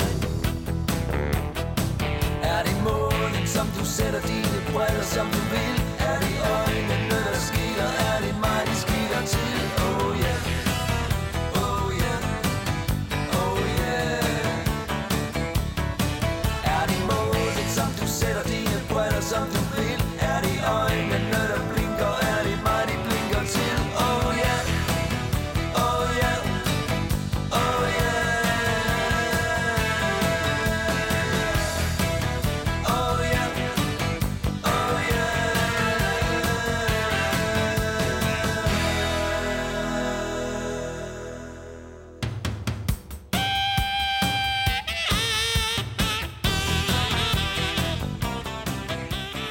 Aldrig gentager aldrig er og bliver en af mine yndlings TV2-sange. Den er lige fremme på din top 3. Jeg har ikke sådan en top 3. Det vil jeg slet ikke kunne administrere. Slet ikke så fornemt og disciplineret, som du gør i hvert fald. Tak. Men, men du, har, du har ret i, det er en dejlig sang. Øh, og hvis den handler om øh, den der Evelyn, du ved, som, ja. som jeg stadig leder efter, eller ikke har mødt endnu, så er det faktisk blevet endnu sværere at finde hende nu, fordi så vidt jeg husker, så øh, sagde vi i afsnit om rigtig mand, at der var 462 Evelyner i Danmark, og hvis hun så endda også skal være skilleret, så er feltet jo nu snævret ind. Ja, men der er håb for fremtidige ungersvenner, der gerne vil finde en Evelyn, for siden vi sendte det afsnit om TV2's Evelyn, er der kommet yderligere 21 af dem herhjemme, så der nu er 483, der hedder det. Tror du, det er podcastens skyld? Nej, det er samfundets skyld, Michael. Selvfølgelig er det det. øh, men sjovt er det nu under andre omstændigheder, at øh, jeg engang troede, at øh, jeg-personen i sangen var sådan en ægte globetrotter. Altså, han har både været på øh, Tatuba og i Shanghai og i Sing Sing. Altså, det må jo næsten være hele jorden rundt. ja, men han har vist ikke behøvet at rejse helt så langt, vel? Nej, fordi det viser sig faktisk, at Tatuba, det lå inde i huset i øh, Magstræde i København i 70'erne, og at øh, hippieorkestret Alrune Rod har indspillet noget, der hedder Tatuba Tapes derinde. Mm, ja, og det kan da godt være, at Shanghai ligger i Kina, men det ligger, eller lå, også i Nyhavn. Du kender godt Nu går vognen gennem Nyhavn, ikke? Jo da. Jo, hvor vi synger Nu går vognen gennem Nyhavn fra Shanghai og til Kahyt. Ja, og, øh, og jeg kender også Giraffen som et værtshus i Odense. Og jeg kan se, at der engang lå et værtshus, der hed Sing Sing, inde i Dybelsgade på Vesterbro i København. Mm-hmm. Så vores globetrotter eller verdensmand er i virkeligheden bare en, som går fra værtshus til værtshus, mens han forsøger at støve en dame op? Øh, ja, måske den selv samme person, som i, i Biba Belula brækker sig en gang imellem i havnebassinerne af glæde over livet. det er ret sjovt, faktisk. Ja. Jeg har altid været vild med de der øjne, der først skiler, og så smiler, og så blinker til sidst. Øh, nogle af mine venner havde lavet en ny tekst til netop den her sang til mit bryllup, hvor de så helt rigtigt sang, at han, altså jeg, aldrig, aldrig, øh, aldrig gentager aldrig har mødt en pige som dig. Og så spurgte de, er det måden, som hun sætter Mortens møbler, som hun vil? Men du har fået møblerne med, trods alt. Dengang var de der stadigvæk. Okay. øhm, der er så meget gang i det her nummer, at jeg tænker, at vi godt kan holde ud og høre den en gang til. Øh, vi har flere gange i podcasten beskrevet, hvordan TV2 har medvirket i øh, Hans Otto Biskovs forskellige underholdningsprogrammer øh, med forskellige playback-optrædener. Men i 94 så fik orkestret i absolut topform lov til at fremføre nummeret live i programmet Ulvetimen, og det lød sådan her. Titel er næsten profetisk, for med flotte anmeldelser og flotte salgstal, og som al den medvind, så tager dette berømte herreorkester i stærkeste opstilling nu på turné landet rundt. I aften Ulvetimen, fredag Odense, og sådan bliver de bare ved og ved. Her er aldrig, gentager aldrig. TV 2.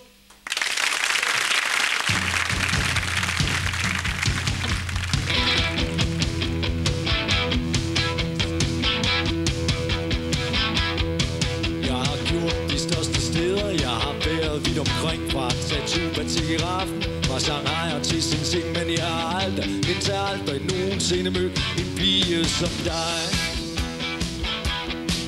Jeg har været gennem regnen Søndag morgen klokken fem Kendt den ene snart den anden ud Og finde vejen hjem. Men jeg har aldrig, indtil aldrig nogensinde mødt En pige som dig. Er det måden, som du sætter dine briller, som du vil? Er det øjnene, der skiler? Er det mig, de skiler til? Oh yeah, oh yeah, oh yeah. Jeg har hørt de største fjolser fylde pigerne med løgn. Sit forelskelse fra dufte på mit døgn i døgn. Men jeg har aldrig, gentaget aldrig nogensinde mødt en pige som dig. Jo, okay, du har en anden, venner der er sikkert flere på vej Men der skal mere end kolde fans til Og stand til som mig på jeg har aldrig Indtil aldrig nogensinde mødt en pige som dig Er det måden, som du sætter dine briller, som du vil? Er det øjnene, der skiler? Er det mig, de skiler til? Oh yeah, oh yeah, oh yeah er det måden, som du sætter dine briller, som du vil? Er det øjnene, der smiler? Er det mig, de smiler til? Oh yeah, oh yeah, oh yeah Oh yeah,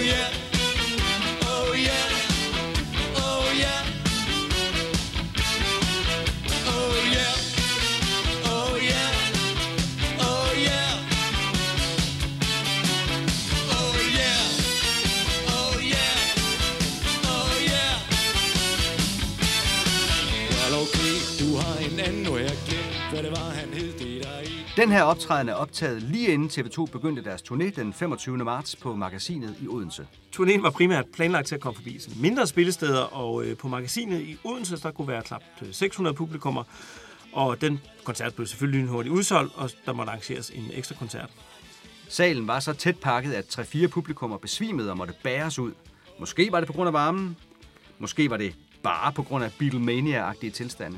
Er du nogensinde besvimet til en uh, TV2-koncert? Øh, nej, det er jeg faktisk ikke. Det er også ærgerligt at gå glip af. Ja, lige præcis. Men, Men øh, jeg tilføjer lige et lille endnu. Man ved aldrig jo. Nej, man ved aldrig. Så øh, Jyllandspostens Uffe Christensen, han var med til den her koncert, hvor, hvor folk besvimede, og han opdøbte på stedet magasinet til Steffen Brands klædefabrik. Om selve koncerten, så skrev han disse ord. TV2 havde medvind, eller rettere med orkan fra starten, og publikum skrålede med på hver eneste sang. Igen imponerende at opleve, hvor kraftigt Steffen Brands dybest set meget intellektuelle tekster fænger blandt publikum. Koncerten viste, at det er samfundets skyld, verdens lykkeligste mand og alle de andre sange fra de nye TV2-plade er blevet folkeeje på linje med striben af de gamle TV2-sange. I koncertens mest intense øjeblikke, og dem var der mange af, var tætheden mellem Hans Erik Lærkenfeldts guitar, Svend Gavls trommer og Georg Olsens bas second to none. Det må erkendes, med det generelt meget flotte show, som TV2 præsterede, at der også for rockmusikere er et liv efter de 40. Hmm. Øh, BT havde sendt Steffen Jungersen til koncert i Pumpehuset i København et par uger senere. Og han skrev sådan her om det, som han døbte TV2's triumf. Jeg gjorde regning uden at tænke på, at jeg ikke havde set TV2 live i seks år, da jeg forleden udråbte Big Fat Snake til Danmarks bedste liveband. Okay, vi ingen kommentar. Nej. Efter at gårdsdagens koncert har genopfrisket min hukommelse, er der ingen tvivl om, at den titel tilhører TV2. Tak. Og alting tyder på, at der kommer til at gå meget lang tid, før noget andet band her i Annedammen kan vriste den fra dem. For koncert er det forkerte ord at bruge i forbindelse med TV2 Live. Begivenhed, triumftog eller slet og ret fest ligger sandheden nærmere. Jeg har tilbragt mange aftener i pumpehuset, men aldrig, aldrig har jeg oplevet en stemning, en glæde og en medleven fra publikums side, som det blev TV2 til dels i aftes. Det, vi alle sammen altid ønsker os, når vi går til rockkoncert, er, at et bestemt øjeblik opstår. Nemlig det øjeblik, hvor band og publikum er et i en grad, så man ikke i sin vildeste fantasi kunne forestille sig, at der var noget federe sted i verden at være, end netop i den koncertsal med det band. Sådan var det med TV2 i aftes. Sådan der.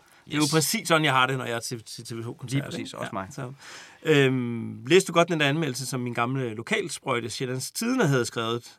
Øh, den der, hvor de var, ja, de var til stævnemøde med Steffen Brandt. Ja, den var ret sjov. Jeg tog den med her også. Okay. Øh, Steffen Brandt er ikke verdens mest spralske forsanger. Under de første sange ligner han med sin stationære positur bag ved keyboardet mere en aarhusiansk livsgrubler, der har tilbragt de sidste 20 år på et loft i Mejlgade, og nu bliver rullet ud for at fortælle den yngre generation, hvad der er op og ned på verden derude. Hans knyttede næve ud mod publikum virker aarhusiansk og påtaget, indtil man finder ud af, at det er Brands egen måde at underspille sit image på. Og Michael, du skal simpelthen hjælpe mig her. Hvordan kan en knytnæve være aarhusiansk? Altså, hvis nu den sidder for enden af en arm på en aarhusiansk mand, så er det vel en aarhusiansk knæve. Er det ikke sådan? Jo, er, det, er det så simpelt? Jamen, jeg, jeg har ikke andre bud. det er noget mærkeligt noget at tage med en anmeldelse, synes jeg, men den fortsætter sådan her. Steffen Brandt har som sædvanligt sine budskaber gemt bag humoren og den lidt hæmmede aarhusianske livsglæde. Og for en ungdom mere splittet og selvbevidst end nogensinde før, er han det perfekte idol. En moderne held med et intellektuelt format, ud over det sædvanlige. En aldrig svigtende ironisk distance og en evne til at skrive fremragende popmusik. Faderfigur og sexsymbol i et. Da verdens lykkeligste mand fyres af, oplever man et af de sjældne øjeblikke, hvor man bliver hævet op og føler sig som en del af et universelt rockhjul, der spinder hele verden rundt i dette ene hellige moment. Faderfigur og sexsymbol i et. Hmm. Den lader vi bare lige stå et øjeblik. Ja, det, det er alligevel noget, tænker jeg. Men, øh, men om det at tage ud og spille koncerter, sagde Steffen Brandt selv sådan her til Aalborg Stifttidene. TV2's rolle som orkester er ikke at skulle ud og trendsætte og på den måde være ung med de unge. Jeg tror, vi kommer med noget, som vil minde folk om, at man altså godt kan være fælles om nogle ting. En god koncert, hvor man selv kan være med til at sætte sit præg og ovenikøbet synge med, det tror jeg ikke er så dårligt. Øh, nej, det er da det bedste, der findes. ja. så, indendørsturnéen til de her små spilsteder, den fortsatte mere eller mindre direkte over i sådan en stor sommerturné, øh, og den bragte den blandt andet forbi Frederikshavn, hvor de ellers ikke havde spillet siden 1981. Sommerturen var et langt øh, triumftog. Yndlingsforsangeren sagde sådan her til Vendsyssel Tidene. Som den beskedende jyde jeg er, vil jeg nødig bryde ud i vild jubel, men man kan vist roligt sige, at det er gået godt. Orkestret de havde ikke oplevet noget lignende siden midten af 80'erne, og Steffen Brandt håbede, at krisen i dansk rockmusik var vendt. Man kan dårligt tale om krise, sagde han, når folk står på nakken af hinanden. Turen gik også forbi Tivoli i København, og den koncert blev optaget, og store dele af den vist i tv. Lad os høre lidt fra koncerten her.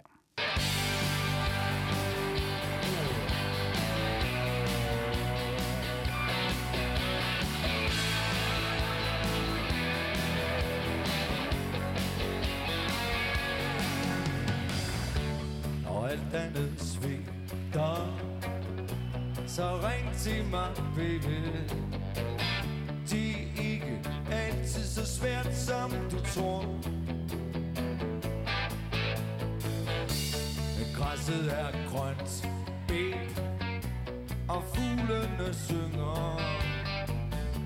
Verden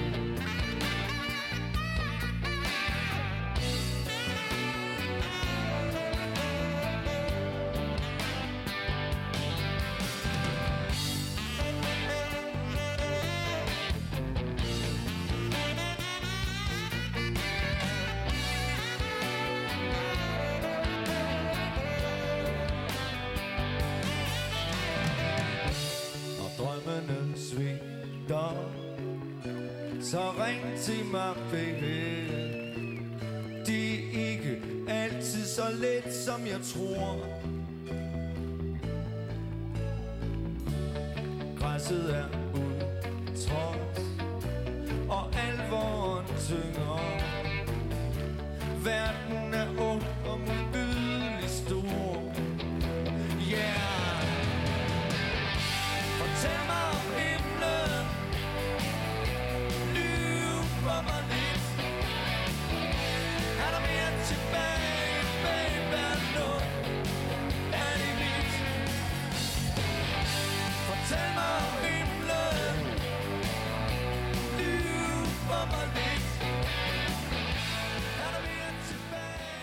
Allerede året før, altså i 93, så havde orkestret oplevet sådan en tilsvarende kærlighed fra publikum, og øh, måske er det en lille overdrivelse at sige, at øh, lige præcis den sommertur tur er grunden til, at TV2 faktisk eksisterer nu, men øh, det er tæt på. Ja, for vi skal huske, at den fulgte efter en periode, hvor der havde været meget krisesnak, især efter Slaraffenland. Ja, ikke ret mange mennesker til koncerten. Nej, præcis. Nej. Så, og nogle anmeldere havde også dømt TV2 færdig og, og ude. Men salget af Greatest de unge år, det gik strygende, og orkestret tog chancen og drog på landevejen, øh, uden helt at vide, hvad der ventede dem derude. Til Berlingske beskrev Steffen Brandt det sådan her. På et tidspunkt stod vi der og fik vel nærmest at vide, at der ikke rigtig var brug for os. Du ved, den forrige, der solgte dårligt, alt snakken om krise og nogle koncerter uden så vildt mange mennesker. Og så gik vi så ud og spillede her i sommeren, og vi fik pludselig den største oplevelse for os som orkester nogensinde. De var bare derude i overvældende antal. Vi spillede vel for en 200-300.000 mennesker på den sommer. Vi fik i det hele taget en utrolig opbakning fra et publikum, som ellers er blevet erklæret totalt troløst i alle aviser. Det gav et personligt overskud og en følelse af at være forpligtet i forhold til en folkelighed, som ikke bliver regnet for noget ret mange steder mere. Så det er jo slet ikke, slet ikke tilfældigt, at der i covernoterne til verdens lykkeligste mand står sådan her sammen med de sædvanlige taksigelser til pladeselskab, folk og familie. Og tak til publikum, sommeren 93. Hvis suveræne opbakning gjorde det til en fornøjelse at indspille denne CD, MC LP. Og nu er det blevet tid til noget helt andet.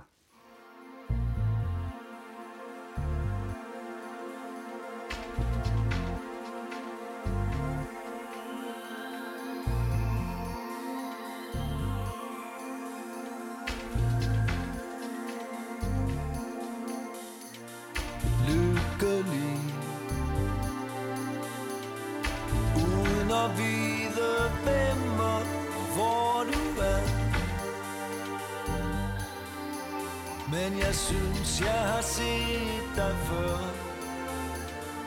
Enen i. Som en stakket fristet sidste håb. Om at alting kan lade sig gøre.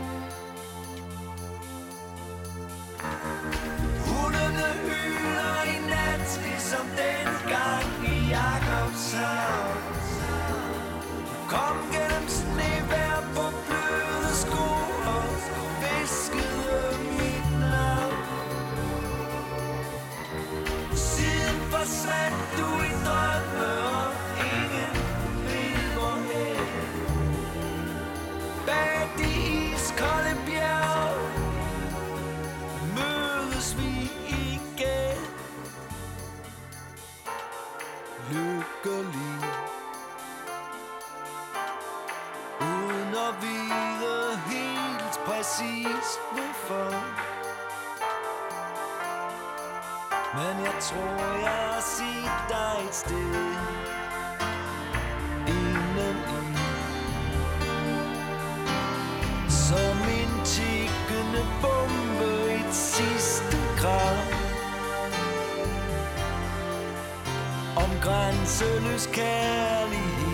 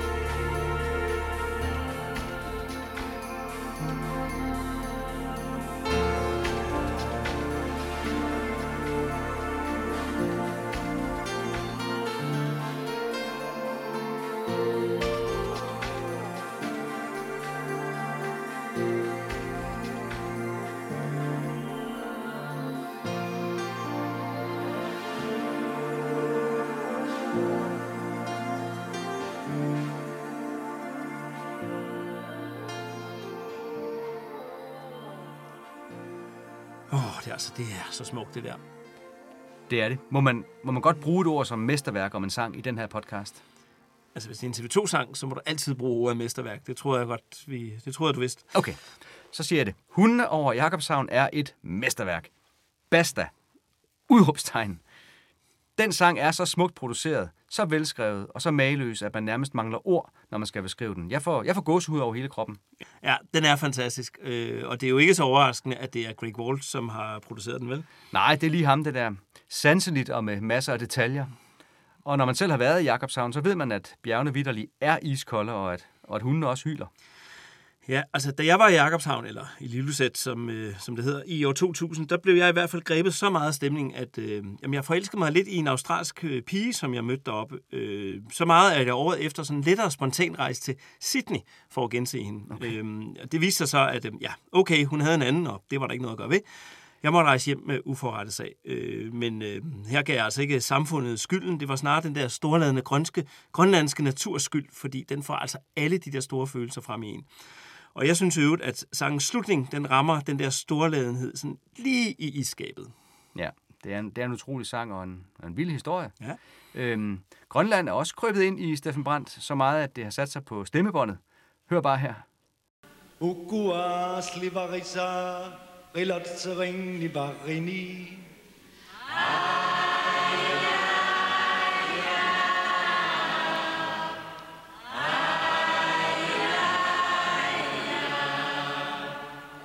Uguach livarisa, Pickering livarini.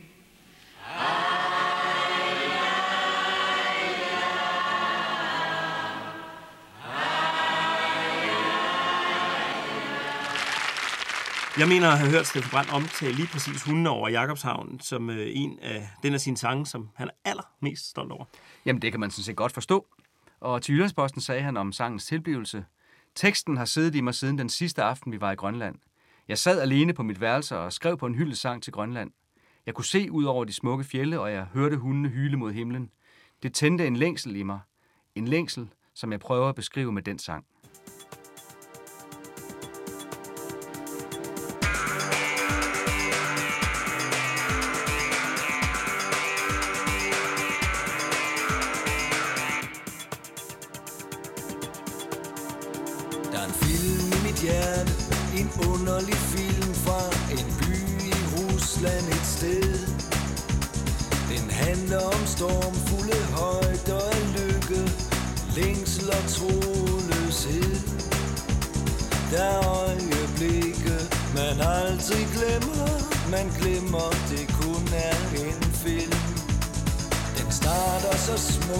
Men en dag går det galt, og til sidst får jeg endelig fred.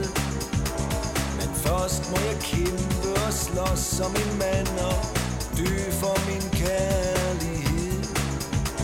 Det er ikke så svært som det måske lyder, det er trods alt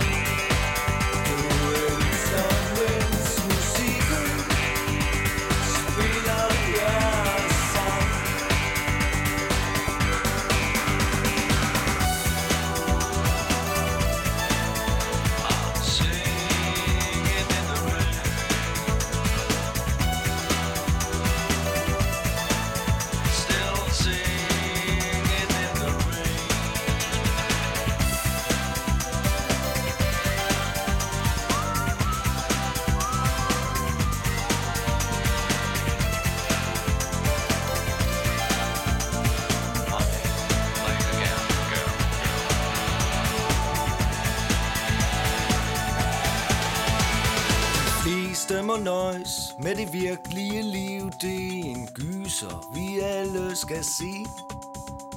Der dør man med måde af mangel på mod og må lære at leve med det. Man venter tålmodigt, hvad må der sker, hvordan må slutningen blive. Vi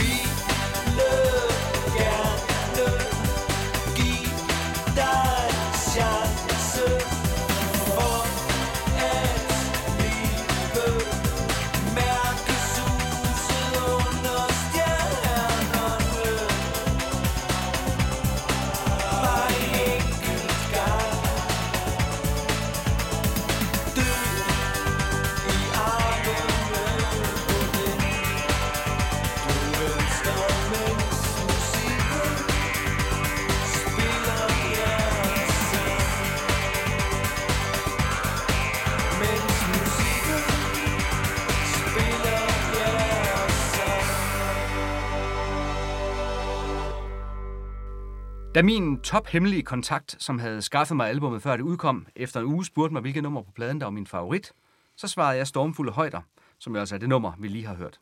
Okay, det var lidt anderledes valg. Øh, hvordan kan det være, at du lige valgte den, tror du? Jamen, øh, jeg tænker, det må have været melodien. Jeg elsker gode melodier. Og så det, at nummeret lød lige tilpas moderne og anderledes, uden at være så moderne, at det skræmte mig væk. Ja, ja du har jo før været skræmt af moderne lyd. Uh, ja, lige præcis. Men altså, her har vi sådan en guitar, der er som hævet ud af en James Bond-film, og så tekst, der handler om en film. En film, der bliver afspillet i hjertet, og i den film kan man kæmpe og slås og dø for sin kærlighed, og man kan kaste sig grædende foran biler. Og så det her vers, jamen altså, de fleste må nøjes med det virkelige liv. Det er en gyser, vi alle skal se. Der dør man med måde af mangel på mod og må lære at leve med det. Men venter tålmodigt, hvad må der sker? Hvordan må slutningen bliver? Se, nu er det mig, der får gås ud. Vi skal altså seriøst have kigget på de radiatorer her i studiet. Øh, og så får vi introduceret begrebet under stjernerne, som vi vender tilbage til i næste afsnit også. I den her sang skal man mærke suset under stjernerne. Selve sangtitlen den er planket fra Emily Brontes roman fra 1847. En roman, der er filmatiseret flere gange, blandt andet i 1939 med Merle Oberon, Laurence Olivier og øh, David Niven. Sangen er produceret af Kasper Winding, som senere samme år skulle producere C.V. Jørgensens mesterværk Sjælland. Ja, der kom flere gode plader i 1994, hva'? Ja, det gjorde der. Øh, Steffen Brandt fik sig en snak med Bornholms Tidene om temaerne i sangen. Sådan er det jo i virkeligheden, hvor vi må lære at leve med skylden og middelmodigheden, sagde han. Jeg er desperat træt af amerikanske film, hvor de aften efter aften realiserer deres begær og uden at blinke betaler prisen, fordi de allerede har skrevet kontrakt på en ny af slagsen, hvor de ser endnu mere hammerne godt ud og kører i endnu større biler. Og til øh, Jyske Vestkysten, så fortalte han øh, om det her med at benytte moderne rytmer og lignende i musikken. Jeg kan godt lide alt det nye med house, hiphop, techno og dance, men det vil være forkert af TV2 at gå ind og bruge det som vores sprog. Vi vælger nogle ting fra, og måske gør vi ikke de nye danske trends, trends bedre, men vi prøver at bruge det fornuftigt i vores musik. Og det er en styrke, man ikke skal sige skud til. Nej, men øh, nu banner vi jo heller ikke specielt meget her i podcasten, så det skal vi nok lade være med at sige skud til. Ellers kommer sgu skudmanden. nu skal der nok sidde et eller andet fjols derude og spørge dumt. Om hvad så med kulturen? Nytårsaften 1994-95 så havde DR overtalt Steffen Brandt til at holde en nytårstale. Øh, og det blev en ret speciel en af slagsen. Han sad ligesom dronningen bag et sådan et kæmpemæssigt skrivebord, og så kom han ellers lige omkring til forskellige emner, som blandt andet håndboldpigerne, Monrad Rislund-figuren Ove Brodgaard, og det nok så berømte opsving. Ja, som han sagde i talen, så tog statsministeren sig af det politiske, dronningen tog sig af det væsentlige, og så tog han sig af resten, nemlig sprot og fritid. Til allersidst blev der tid til at tale lidt svensk og komme med en lettere omskrivning af Lars von Triers udgangsreplik fra riget. Hør engang. Jeg gik mig ud om kvällen, der skogen stod så smuk. Kykyk, kykyk, kykyk.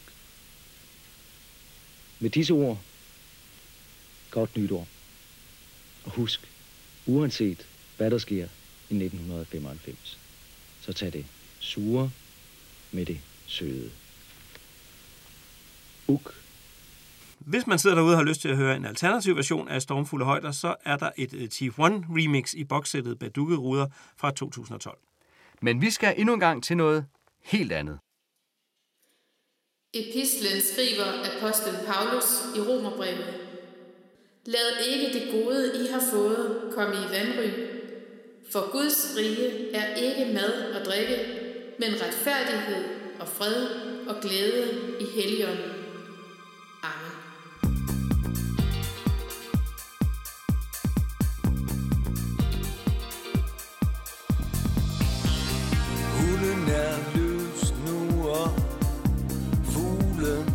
Den er flot.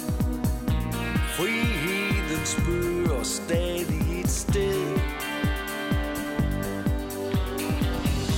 Marken er mark, og i jorden genblot. Landskabet lyser længsel og fred. Under din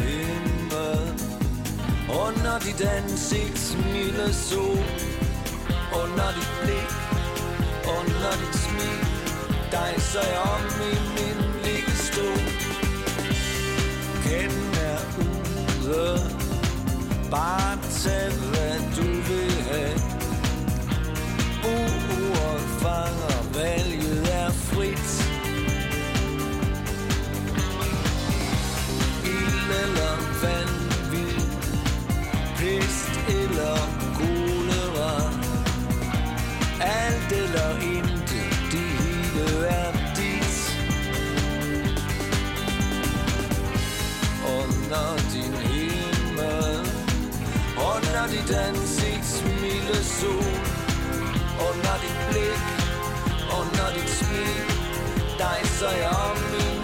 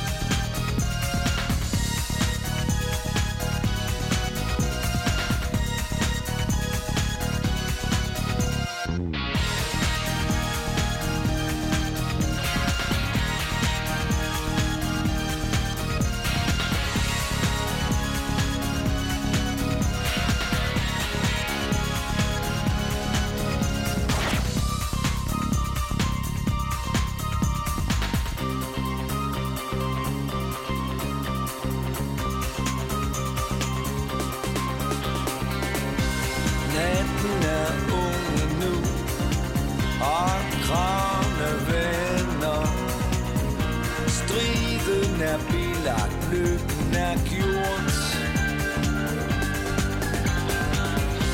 Hæng de uskyldige Og fri mine fjender.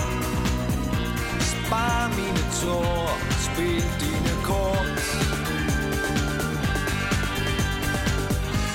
Under Guds himmel Under dit ansigt milde sol.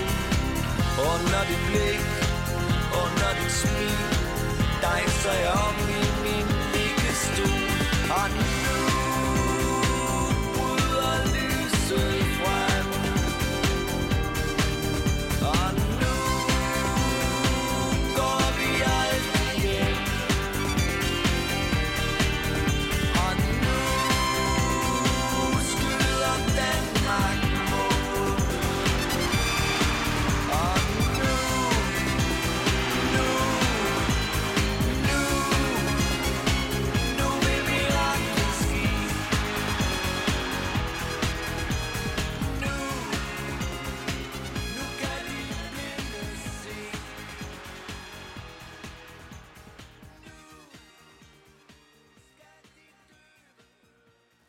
Anders Rov Jensen skrev om den her sang i politikken, at TV2 på Mad og Retfærdighed lød som et konstruktivt kompromis mellem en djerv Kim Larsen og en dånende Lars H.U.G. Jeg var sikker på, at du ville sige noget om Beatles og Penny Lane, på grund af trompeten der til sidst. Nej, jeg tænkte nok, den var så tydelig, at du ville fange den af dig selv.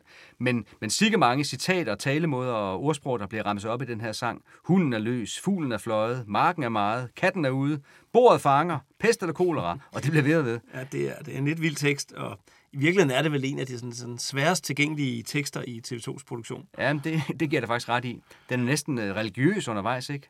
Under din himmel, under dit ansigts milde sol, under dit blik, under dit smil, dejser jeg om i min liggestol. Altså, jeg har skrevet her i mine noter, at øh, jeg synes nærmest, den er salmeagtig. Ja, men øh, lad os da få den med i salmebogen så. Der skal jo også lige frem mirakler til sidst, ikke? Ja, nu skyder Danmark mål. Øh, på det her tidspunkt, så var det jo faktisk kun halvandet år siden, at vi vandt EM i, i fodbold. Ja, det er rigtigt. Og, og de blinde vil se, og de døve vil høre. Ja, det der med, at de døve, det er jo ret sjovt, fordi det bliver sunget sådan til aller, aller sidst, mens sangen fader ud. Så man skal virkelig høre godt efter, hvis man skal høre, at de døve kan høre. Ja, men øh, det er en optimistisk slutning, om ikke andet. Og så er det altså en af de sange, der giver mig lyst til at danse. Og så var det endnu en af de her få TV2-sange, der er udgivet i en anderledes version. Øh, den her, den kan man finde på albumet Verdens Lykkeligste Band Live 99, hvor den lyder sådan. Her.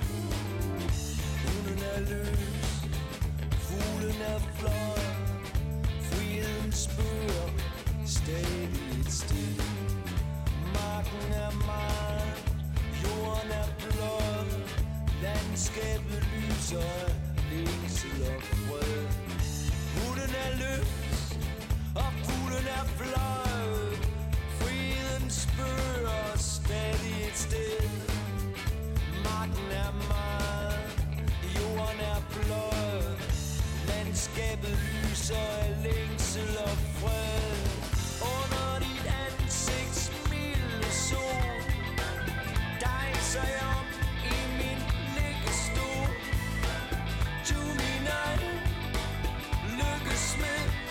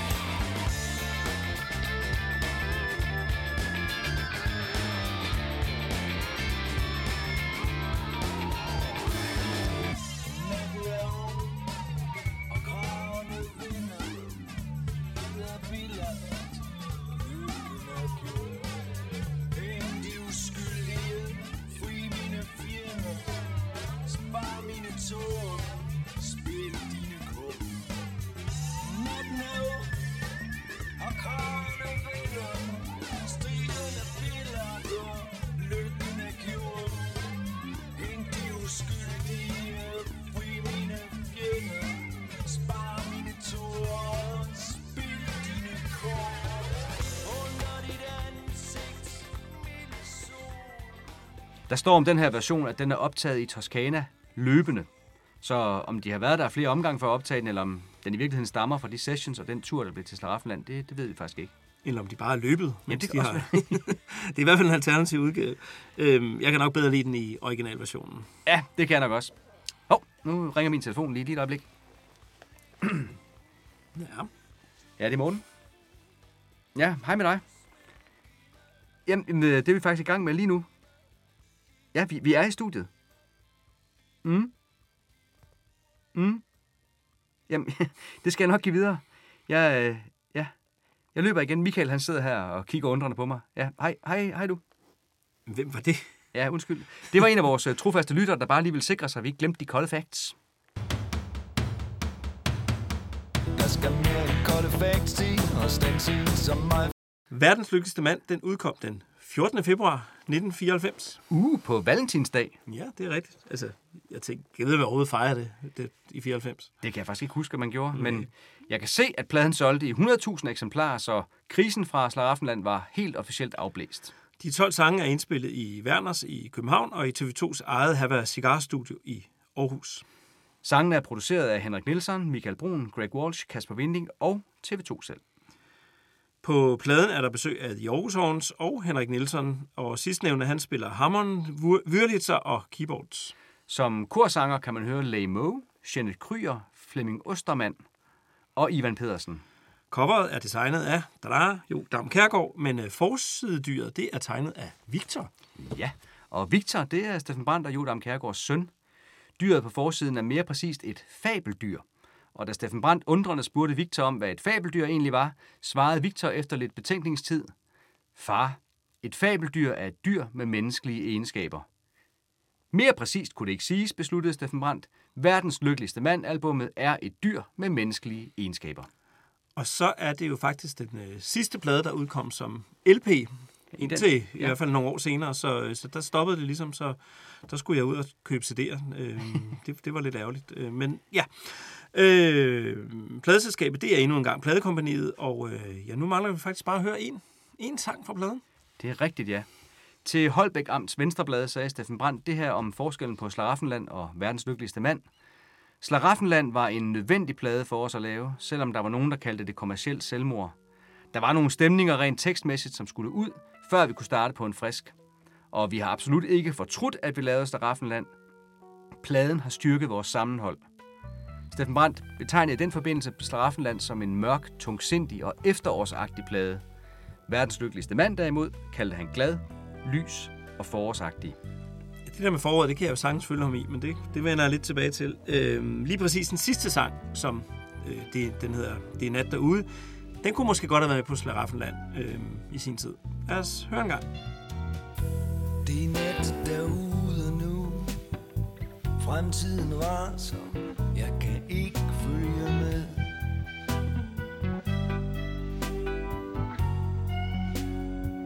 Og jeg kan ikke følge med. De slås ind i mit fjernsyn. Det lyder som om, at det er lige her i nærheden et sted. Det lyder som om, at det er lige her i nærheden et sted. Er der noget, jeg kan hjælpe med? Er der mere, jeg kan gøre? Kom, luk mine øjne, lås min dør. Det er koldt derude nu. Fjernsynet dukker, jeg kan ingenting se.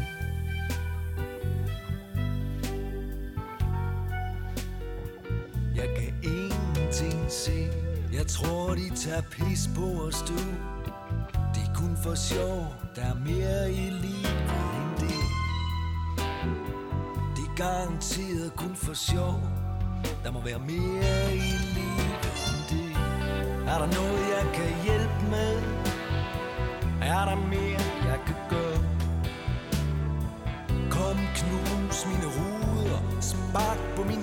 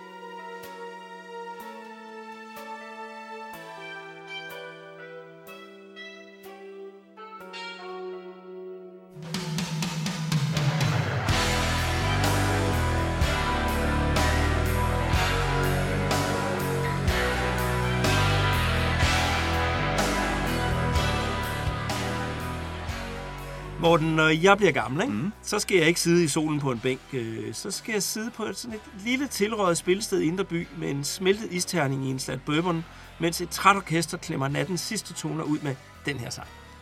Ja, yeah, det lyder fedt. Mhm. Jeg håber, at det der trætte orkester, det er TV2 selv. Altså, de bliver alligevel aldrig voksne, ved du nok. Øh, ja, det kan man jo så håbe på. Øh, men altså, det er jo bare et fedt nummer. Jeg synes, at det er både smukt og det er dystert. Dystert. Øh, prøv lige at forestille dig TV2 at spille netop det her nummer, øh, da de optrådte til fordel for indsamlingen øh, for Ukraine på Rådhuspladsen. Øh, de slås inde i mit fjernsyn. Det lyder som om, det er lige her i nærheden et sted. Puha. Ja, puha. Det ville have givet en helt anden stemning, øh, tænker jeg. Jeg tror, at et kyste nu og, og hele verden fra forstanden var udmærket sangvalg i netop den situation der. Uanset hvad, så får jeg altid kuldegysninger, når jeg hører slutningen af sangen. Ja, og altså endnu en gang er vi nødt til at fremhæve, at de bare spiller så godt sammen. Jeg ved godt, vi har sagt noget lignende i næsten hvert eneste afsnit efterhånden, men det er altså også en af de ting, der gør TV2 så ekstraordinær, som de er. Og også selvom de så har 20 stjålet en linje i den her sang fra, fra Bjørk. Ja, du tænker på, øh, der, må, der må være mere i livet end det. Lige præcis. Bjørks øh, album Debut udkom året før, og indeholdt blandt andet sangen There's More to Life Than This. Den sang tænker jeg, at Steffen Brandt har hørt. Ja, det tænker jeg også. Men øh, han har også lyttet til nogle af sine egne gamle sange, tror jeg, fordi at øh, ligesom i øh, Trætte af tv fra Beat, så foregår den her sang også siddende foran tv-apparatet, og øh, hvor det på Beat var ruderne, der dukkede, så er det nu fjernsynet, der gør det. Ja, det er fedt, når der er hilsner til gamle sange rundt omkring, synes jeg. Og så synes jeg også, at de der, der kalder TV2 for et poporkester, lige skal prøve at høre det nat derude. Der er meget få bands herhjemme, som synger på dansk. TV2 er et af dem. Hvorfor dansk og ikke engelsk? Det er fordi, det er en, øh, der er en lang forklaring på det, men den korte, som jeg skal give her, det er, at, øh, at jeg synes, vi, øh, vi har sådan en, en, en, et fællesskab i det der danske sprog. Altså, vi tænker alle sammen på dansk, mm. os der bor herhjemme, ikke? Og, og drømmer på dansk. Og øh, hvis der er nogle bestemte ord, hvis man siger dem, så ved vi alle sammen, at der er nogle underforståede meninger i det ord. Som så gør, at man kan bruge, at man kan få en hel masse forskellige betydninger, mm. når man arbejder med det danske sprog. Det, er engelske, det synes jeg, det er mere sådan... Øh, der er en masse, der siger noget i jeres højtaler, hva'? Mm. Nu telefon. Kan du høre det? Kan I finde ud af høre? Ja, jeg kan godt høre lidt. Men jeg kan ikke høre, hvad de siger. Nå, det er Siger de noget om mig? De siger Nå, men altså, det er engelsk, det, det, det, det kan lidt... Det siger ikke det, men hvis, hvis jeg skulle skrive det, kan det lidt blive sådan nogle, øh, de ser, ikke? Og desuden har vi prøvet det en gang, ikke?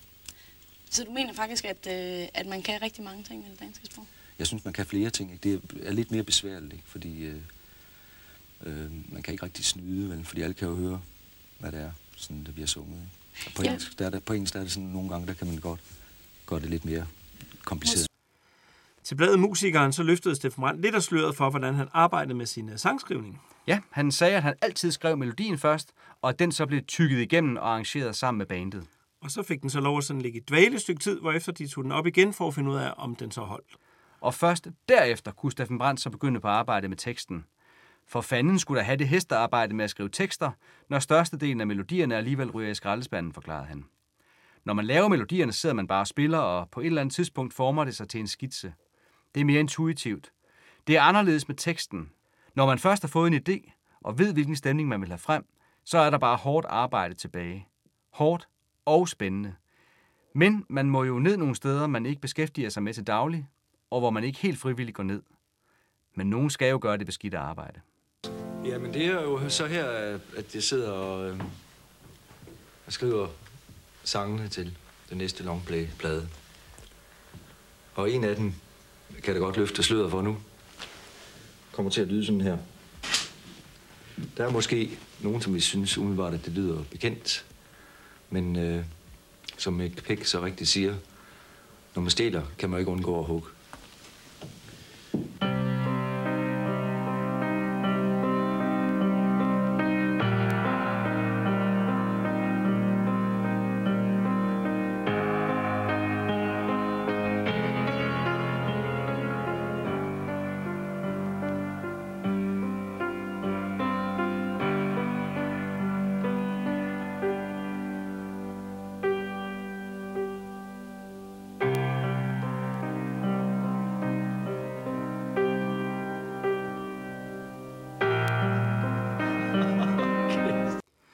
Vi har efterhånden nævnt Lars Muhl nogle gange i vores podcast.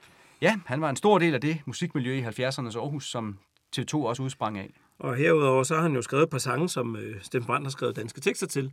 Blandt andet sommerens sidste sang, som blev sunget af Lis Sørensen, og af Bamse, som vi hørte tidligere. Og, men mest kendt er nok One More Minute, som i Steffen Brandts oversættelse er kendt som Lis Sørensen-klassikeren Ind til dig igen. Altså, jeg er så glad for, at du ikke sagde Jesper Lundgaard-klassikeren der.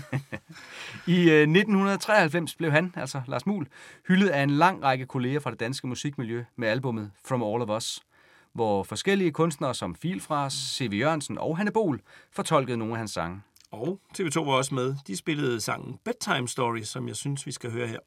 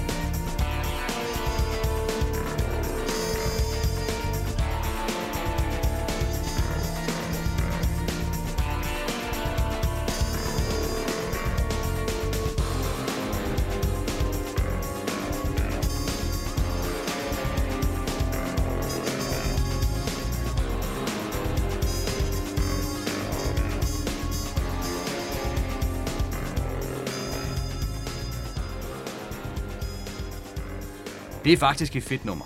I, I mange år kendte jeg kun TV2's version, og den dag i dag synes jeg stadig, det er den bedste version. Men jeg kan sagtens anbefale, at I prøver at finde Warm Guns udgaven også. Altså, jeg kendte slet ikke den her sang. Øh, Okay. Jeg havde helt mis, misset den i, i 93. Det er jo godt, vi har den her podcast, så vi kan få udfyldt de værste huller i vores viden. Ja da. Jeg købte Lars Muhl hyldelsen, da den udkom, på grund af TV2 selvfølgelig, men den har ligget op mit loft i flere år nu, og da jeg tog den ned for at genhøre den, så måtte jeg konstatere, at ja, loftet det er ikke noget godt sted at opbevare CD'er. Nej, det er nok ikke helt optimalt. øh, fordi LP'erne nu er slut, så har jeg jo været i kælderen for at finde mine CD'er, og de havde det fint heldigvis. Åh, det var godt. Øh, vi kan lige nå at runde et sjovt interview fra Jyllandsposten, der havde bedt sine læsere om at stille spørgsmål til Steffen Brandt. Mange havde spurgt om, hvorfor TV2 altid gik i, altid gik i sort tøj, og til det så svarede Steffen Brandt. På enhver arbejdsplads er det sådan, at man altid får udleveret til et arbejdstøj, når man starter, og det fik vi også i 1980. Det har man så på, når man er på arbejde, for ikke at slide på sit eget, og en gang om året får vi så suppleret garderoben op. Læderjakken er også en fast del af garderoben. Det er mere noget med, at en del af os i orkestret kører på motorcykel, og så er læderjakken mest praktisk. Og for de af os, der kører på cykel, hmm, ja, det smager lidt af fugl, ikke? Nej, det er ikke fordi, vi tror, det er specielt smart. Det er bare fordi, det er bedre end ingenting. Faktisk meget bedre. Vi, vi nævnte i Slaraffenland-afsnittet, at Steffen Brandt leverede et par tekster til Peter Bellis comeback-album Yeah, og den bedrift gentog han på Peter Bellis næste album, Ribbet og Flået fra 1992. Han havde oversat Bob Dylans uh, Don't Think Twice, It's Alright, så den på dansk kom til at hedde Glem det hele, men husk, hvad du sagde. Øh, men derudover så havde han også skrevet tekst og melodi til sangen Himlen fuld af drømme, så den er vi jo næsten nødt til at høre her også. Jeg har himlen fuld af drømme Du kan få dem, hvis du vil Du må få min plads i solen. Du kan bare sige til. Jeg kan indfri dine længsler. Til den højeste pris. Jeg betaler gerne kilden. For et glimt af paradis.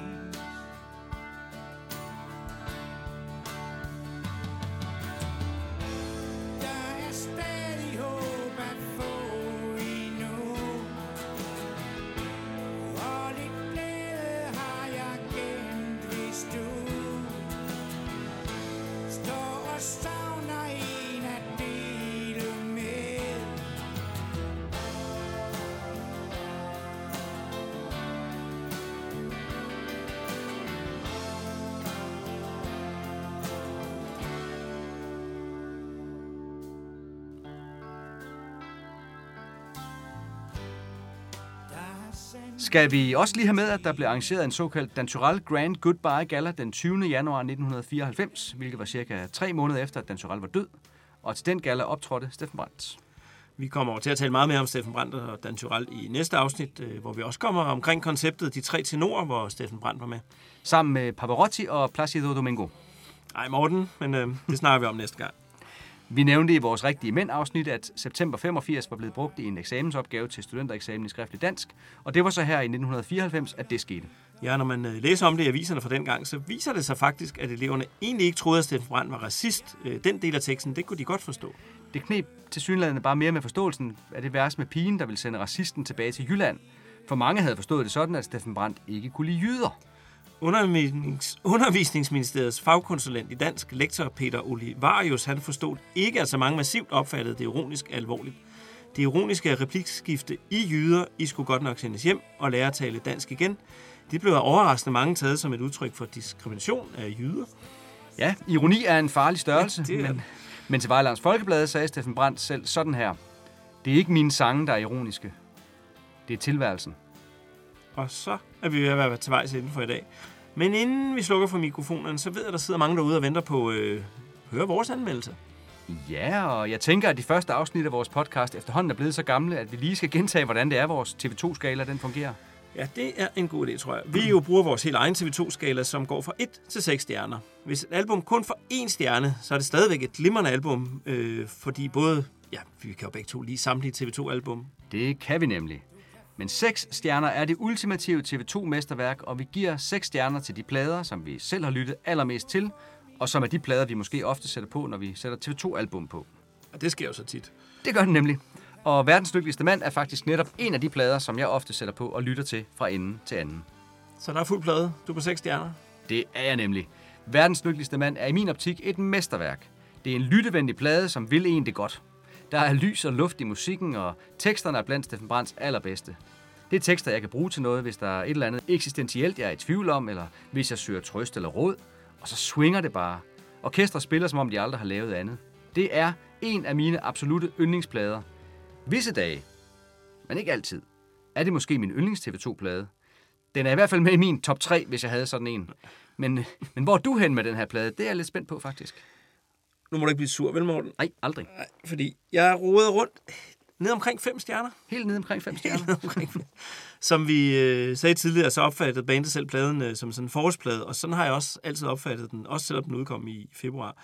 Øhm, og foråret, det skal kun have fem stjerner, øh, kan jeg se, du tænker. Ja, det skal det, fordi selvom foråret er fantastisk, så er det jo ikke sommer. Øh, så derfor kun fem stjerner. Gav det mening? Nej, overhovedet ikke. Jeg troede, vi blev dømt ud fra musikken og teksterne, og, og nogle gange coveret, som du gjorde ved Slaraffenland, men, men sådan skal det åbenbart ikke være for dit vedkommende i dag. Nej, fordi altså nogle gange så po- poesi, det er ikke til forklaring, det er bare en følelse. Og følelsen, jamen den er fem stjerner. Det er også bare i orden. Vi lader den ligge der. Øhm, jeg tror nok, øh, jeg har brugt alt for meget tid i mit liv på at gå og være bange for, at TV2 ville holde op med at spille sammen. Hvis jeg havde læst følgende citat allerede i 1994, ville jeg nok have kunne slappe lidt mere af. Steffen Brandt sagde nemlig i det store interview med bladet Musikeren, som vi allerede har citeret for et par gange, sådan her om fremtiden. Vi bliver ved, til vi bliver hylet ud. Og selv da vil vi nok finde en eller anden lille afkrog af landet, hvor de vil have os. De er altid velkommen hjemme hos mig. Også hos mig. Tæller du for? Yep. 1, 2, 3. Uk. Unger, så kan I godt se at komme i seng. Bare fordi far er i fjernsynet. Det er ikke min skyld, I skal op kl. 7 i morgen. Det er skoleinspektørens.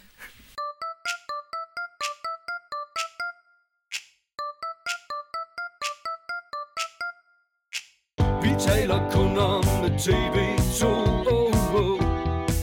Babadabadabab. De er gode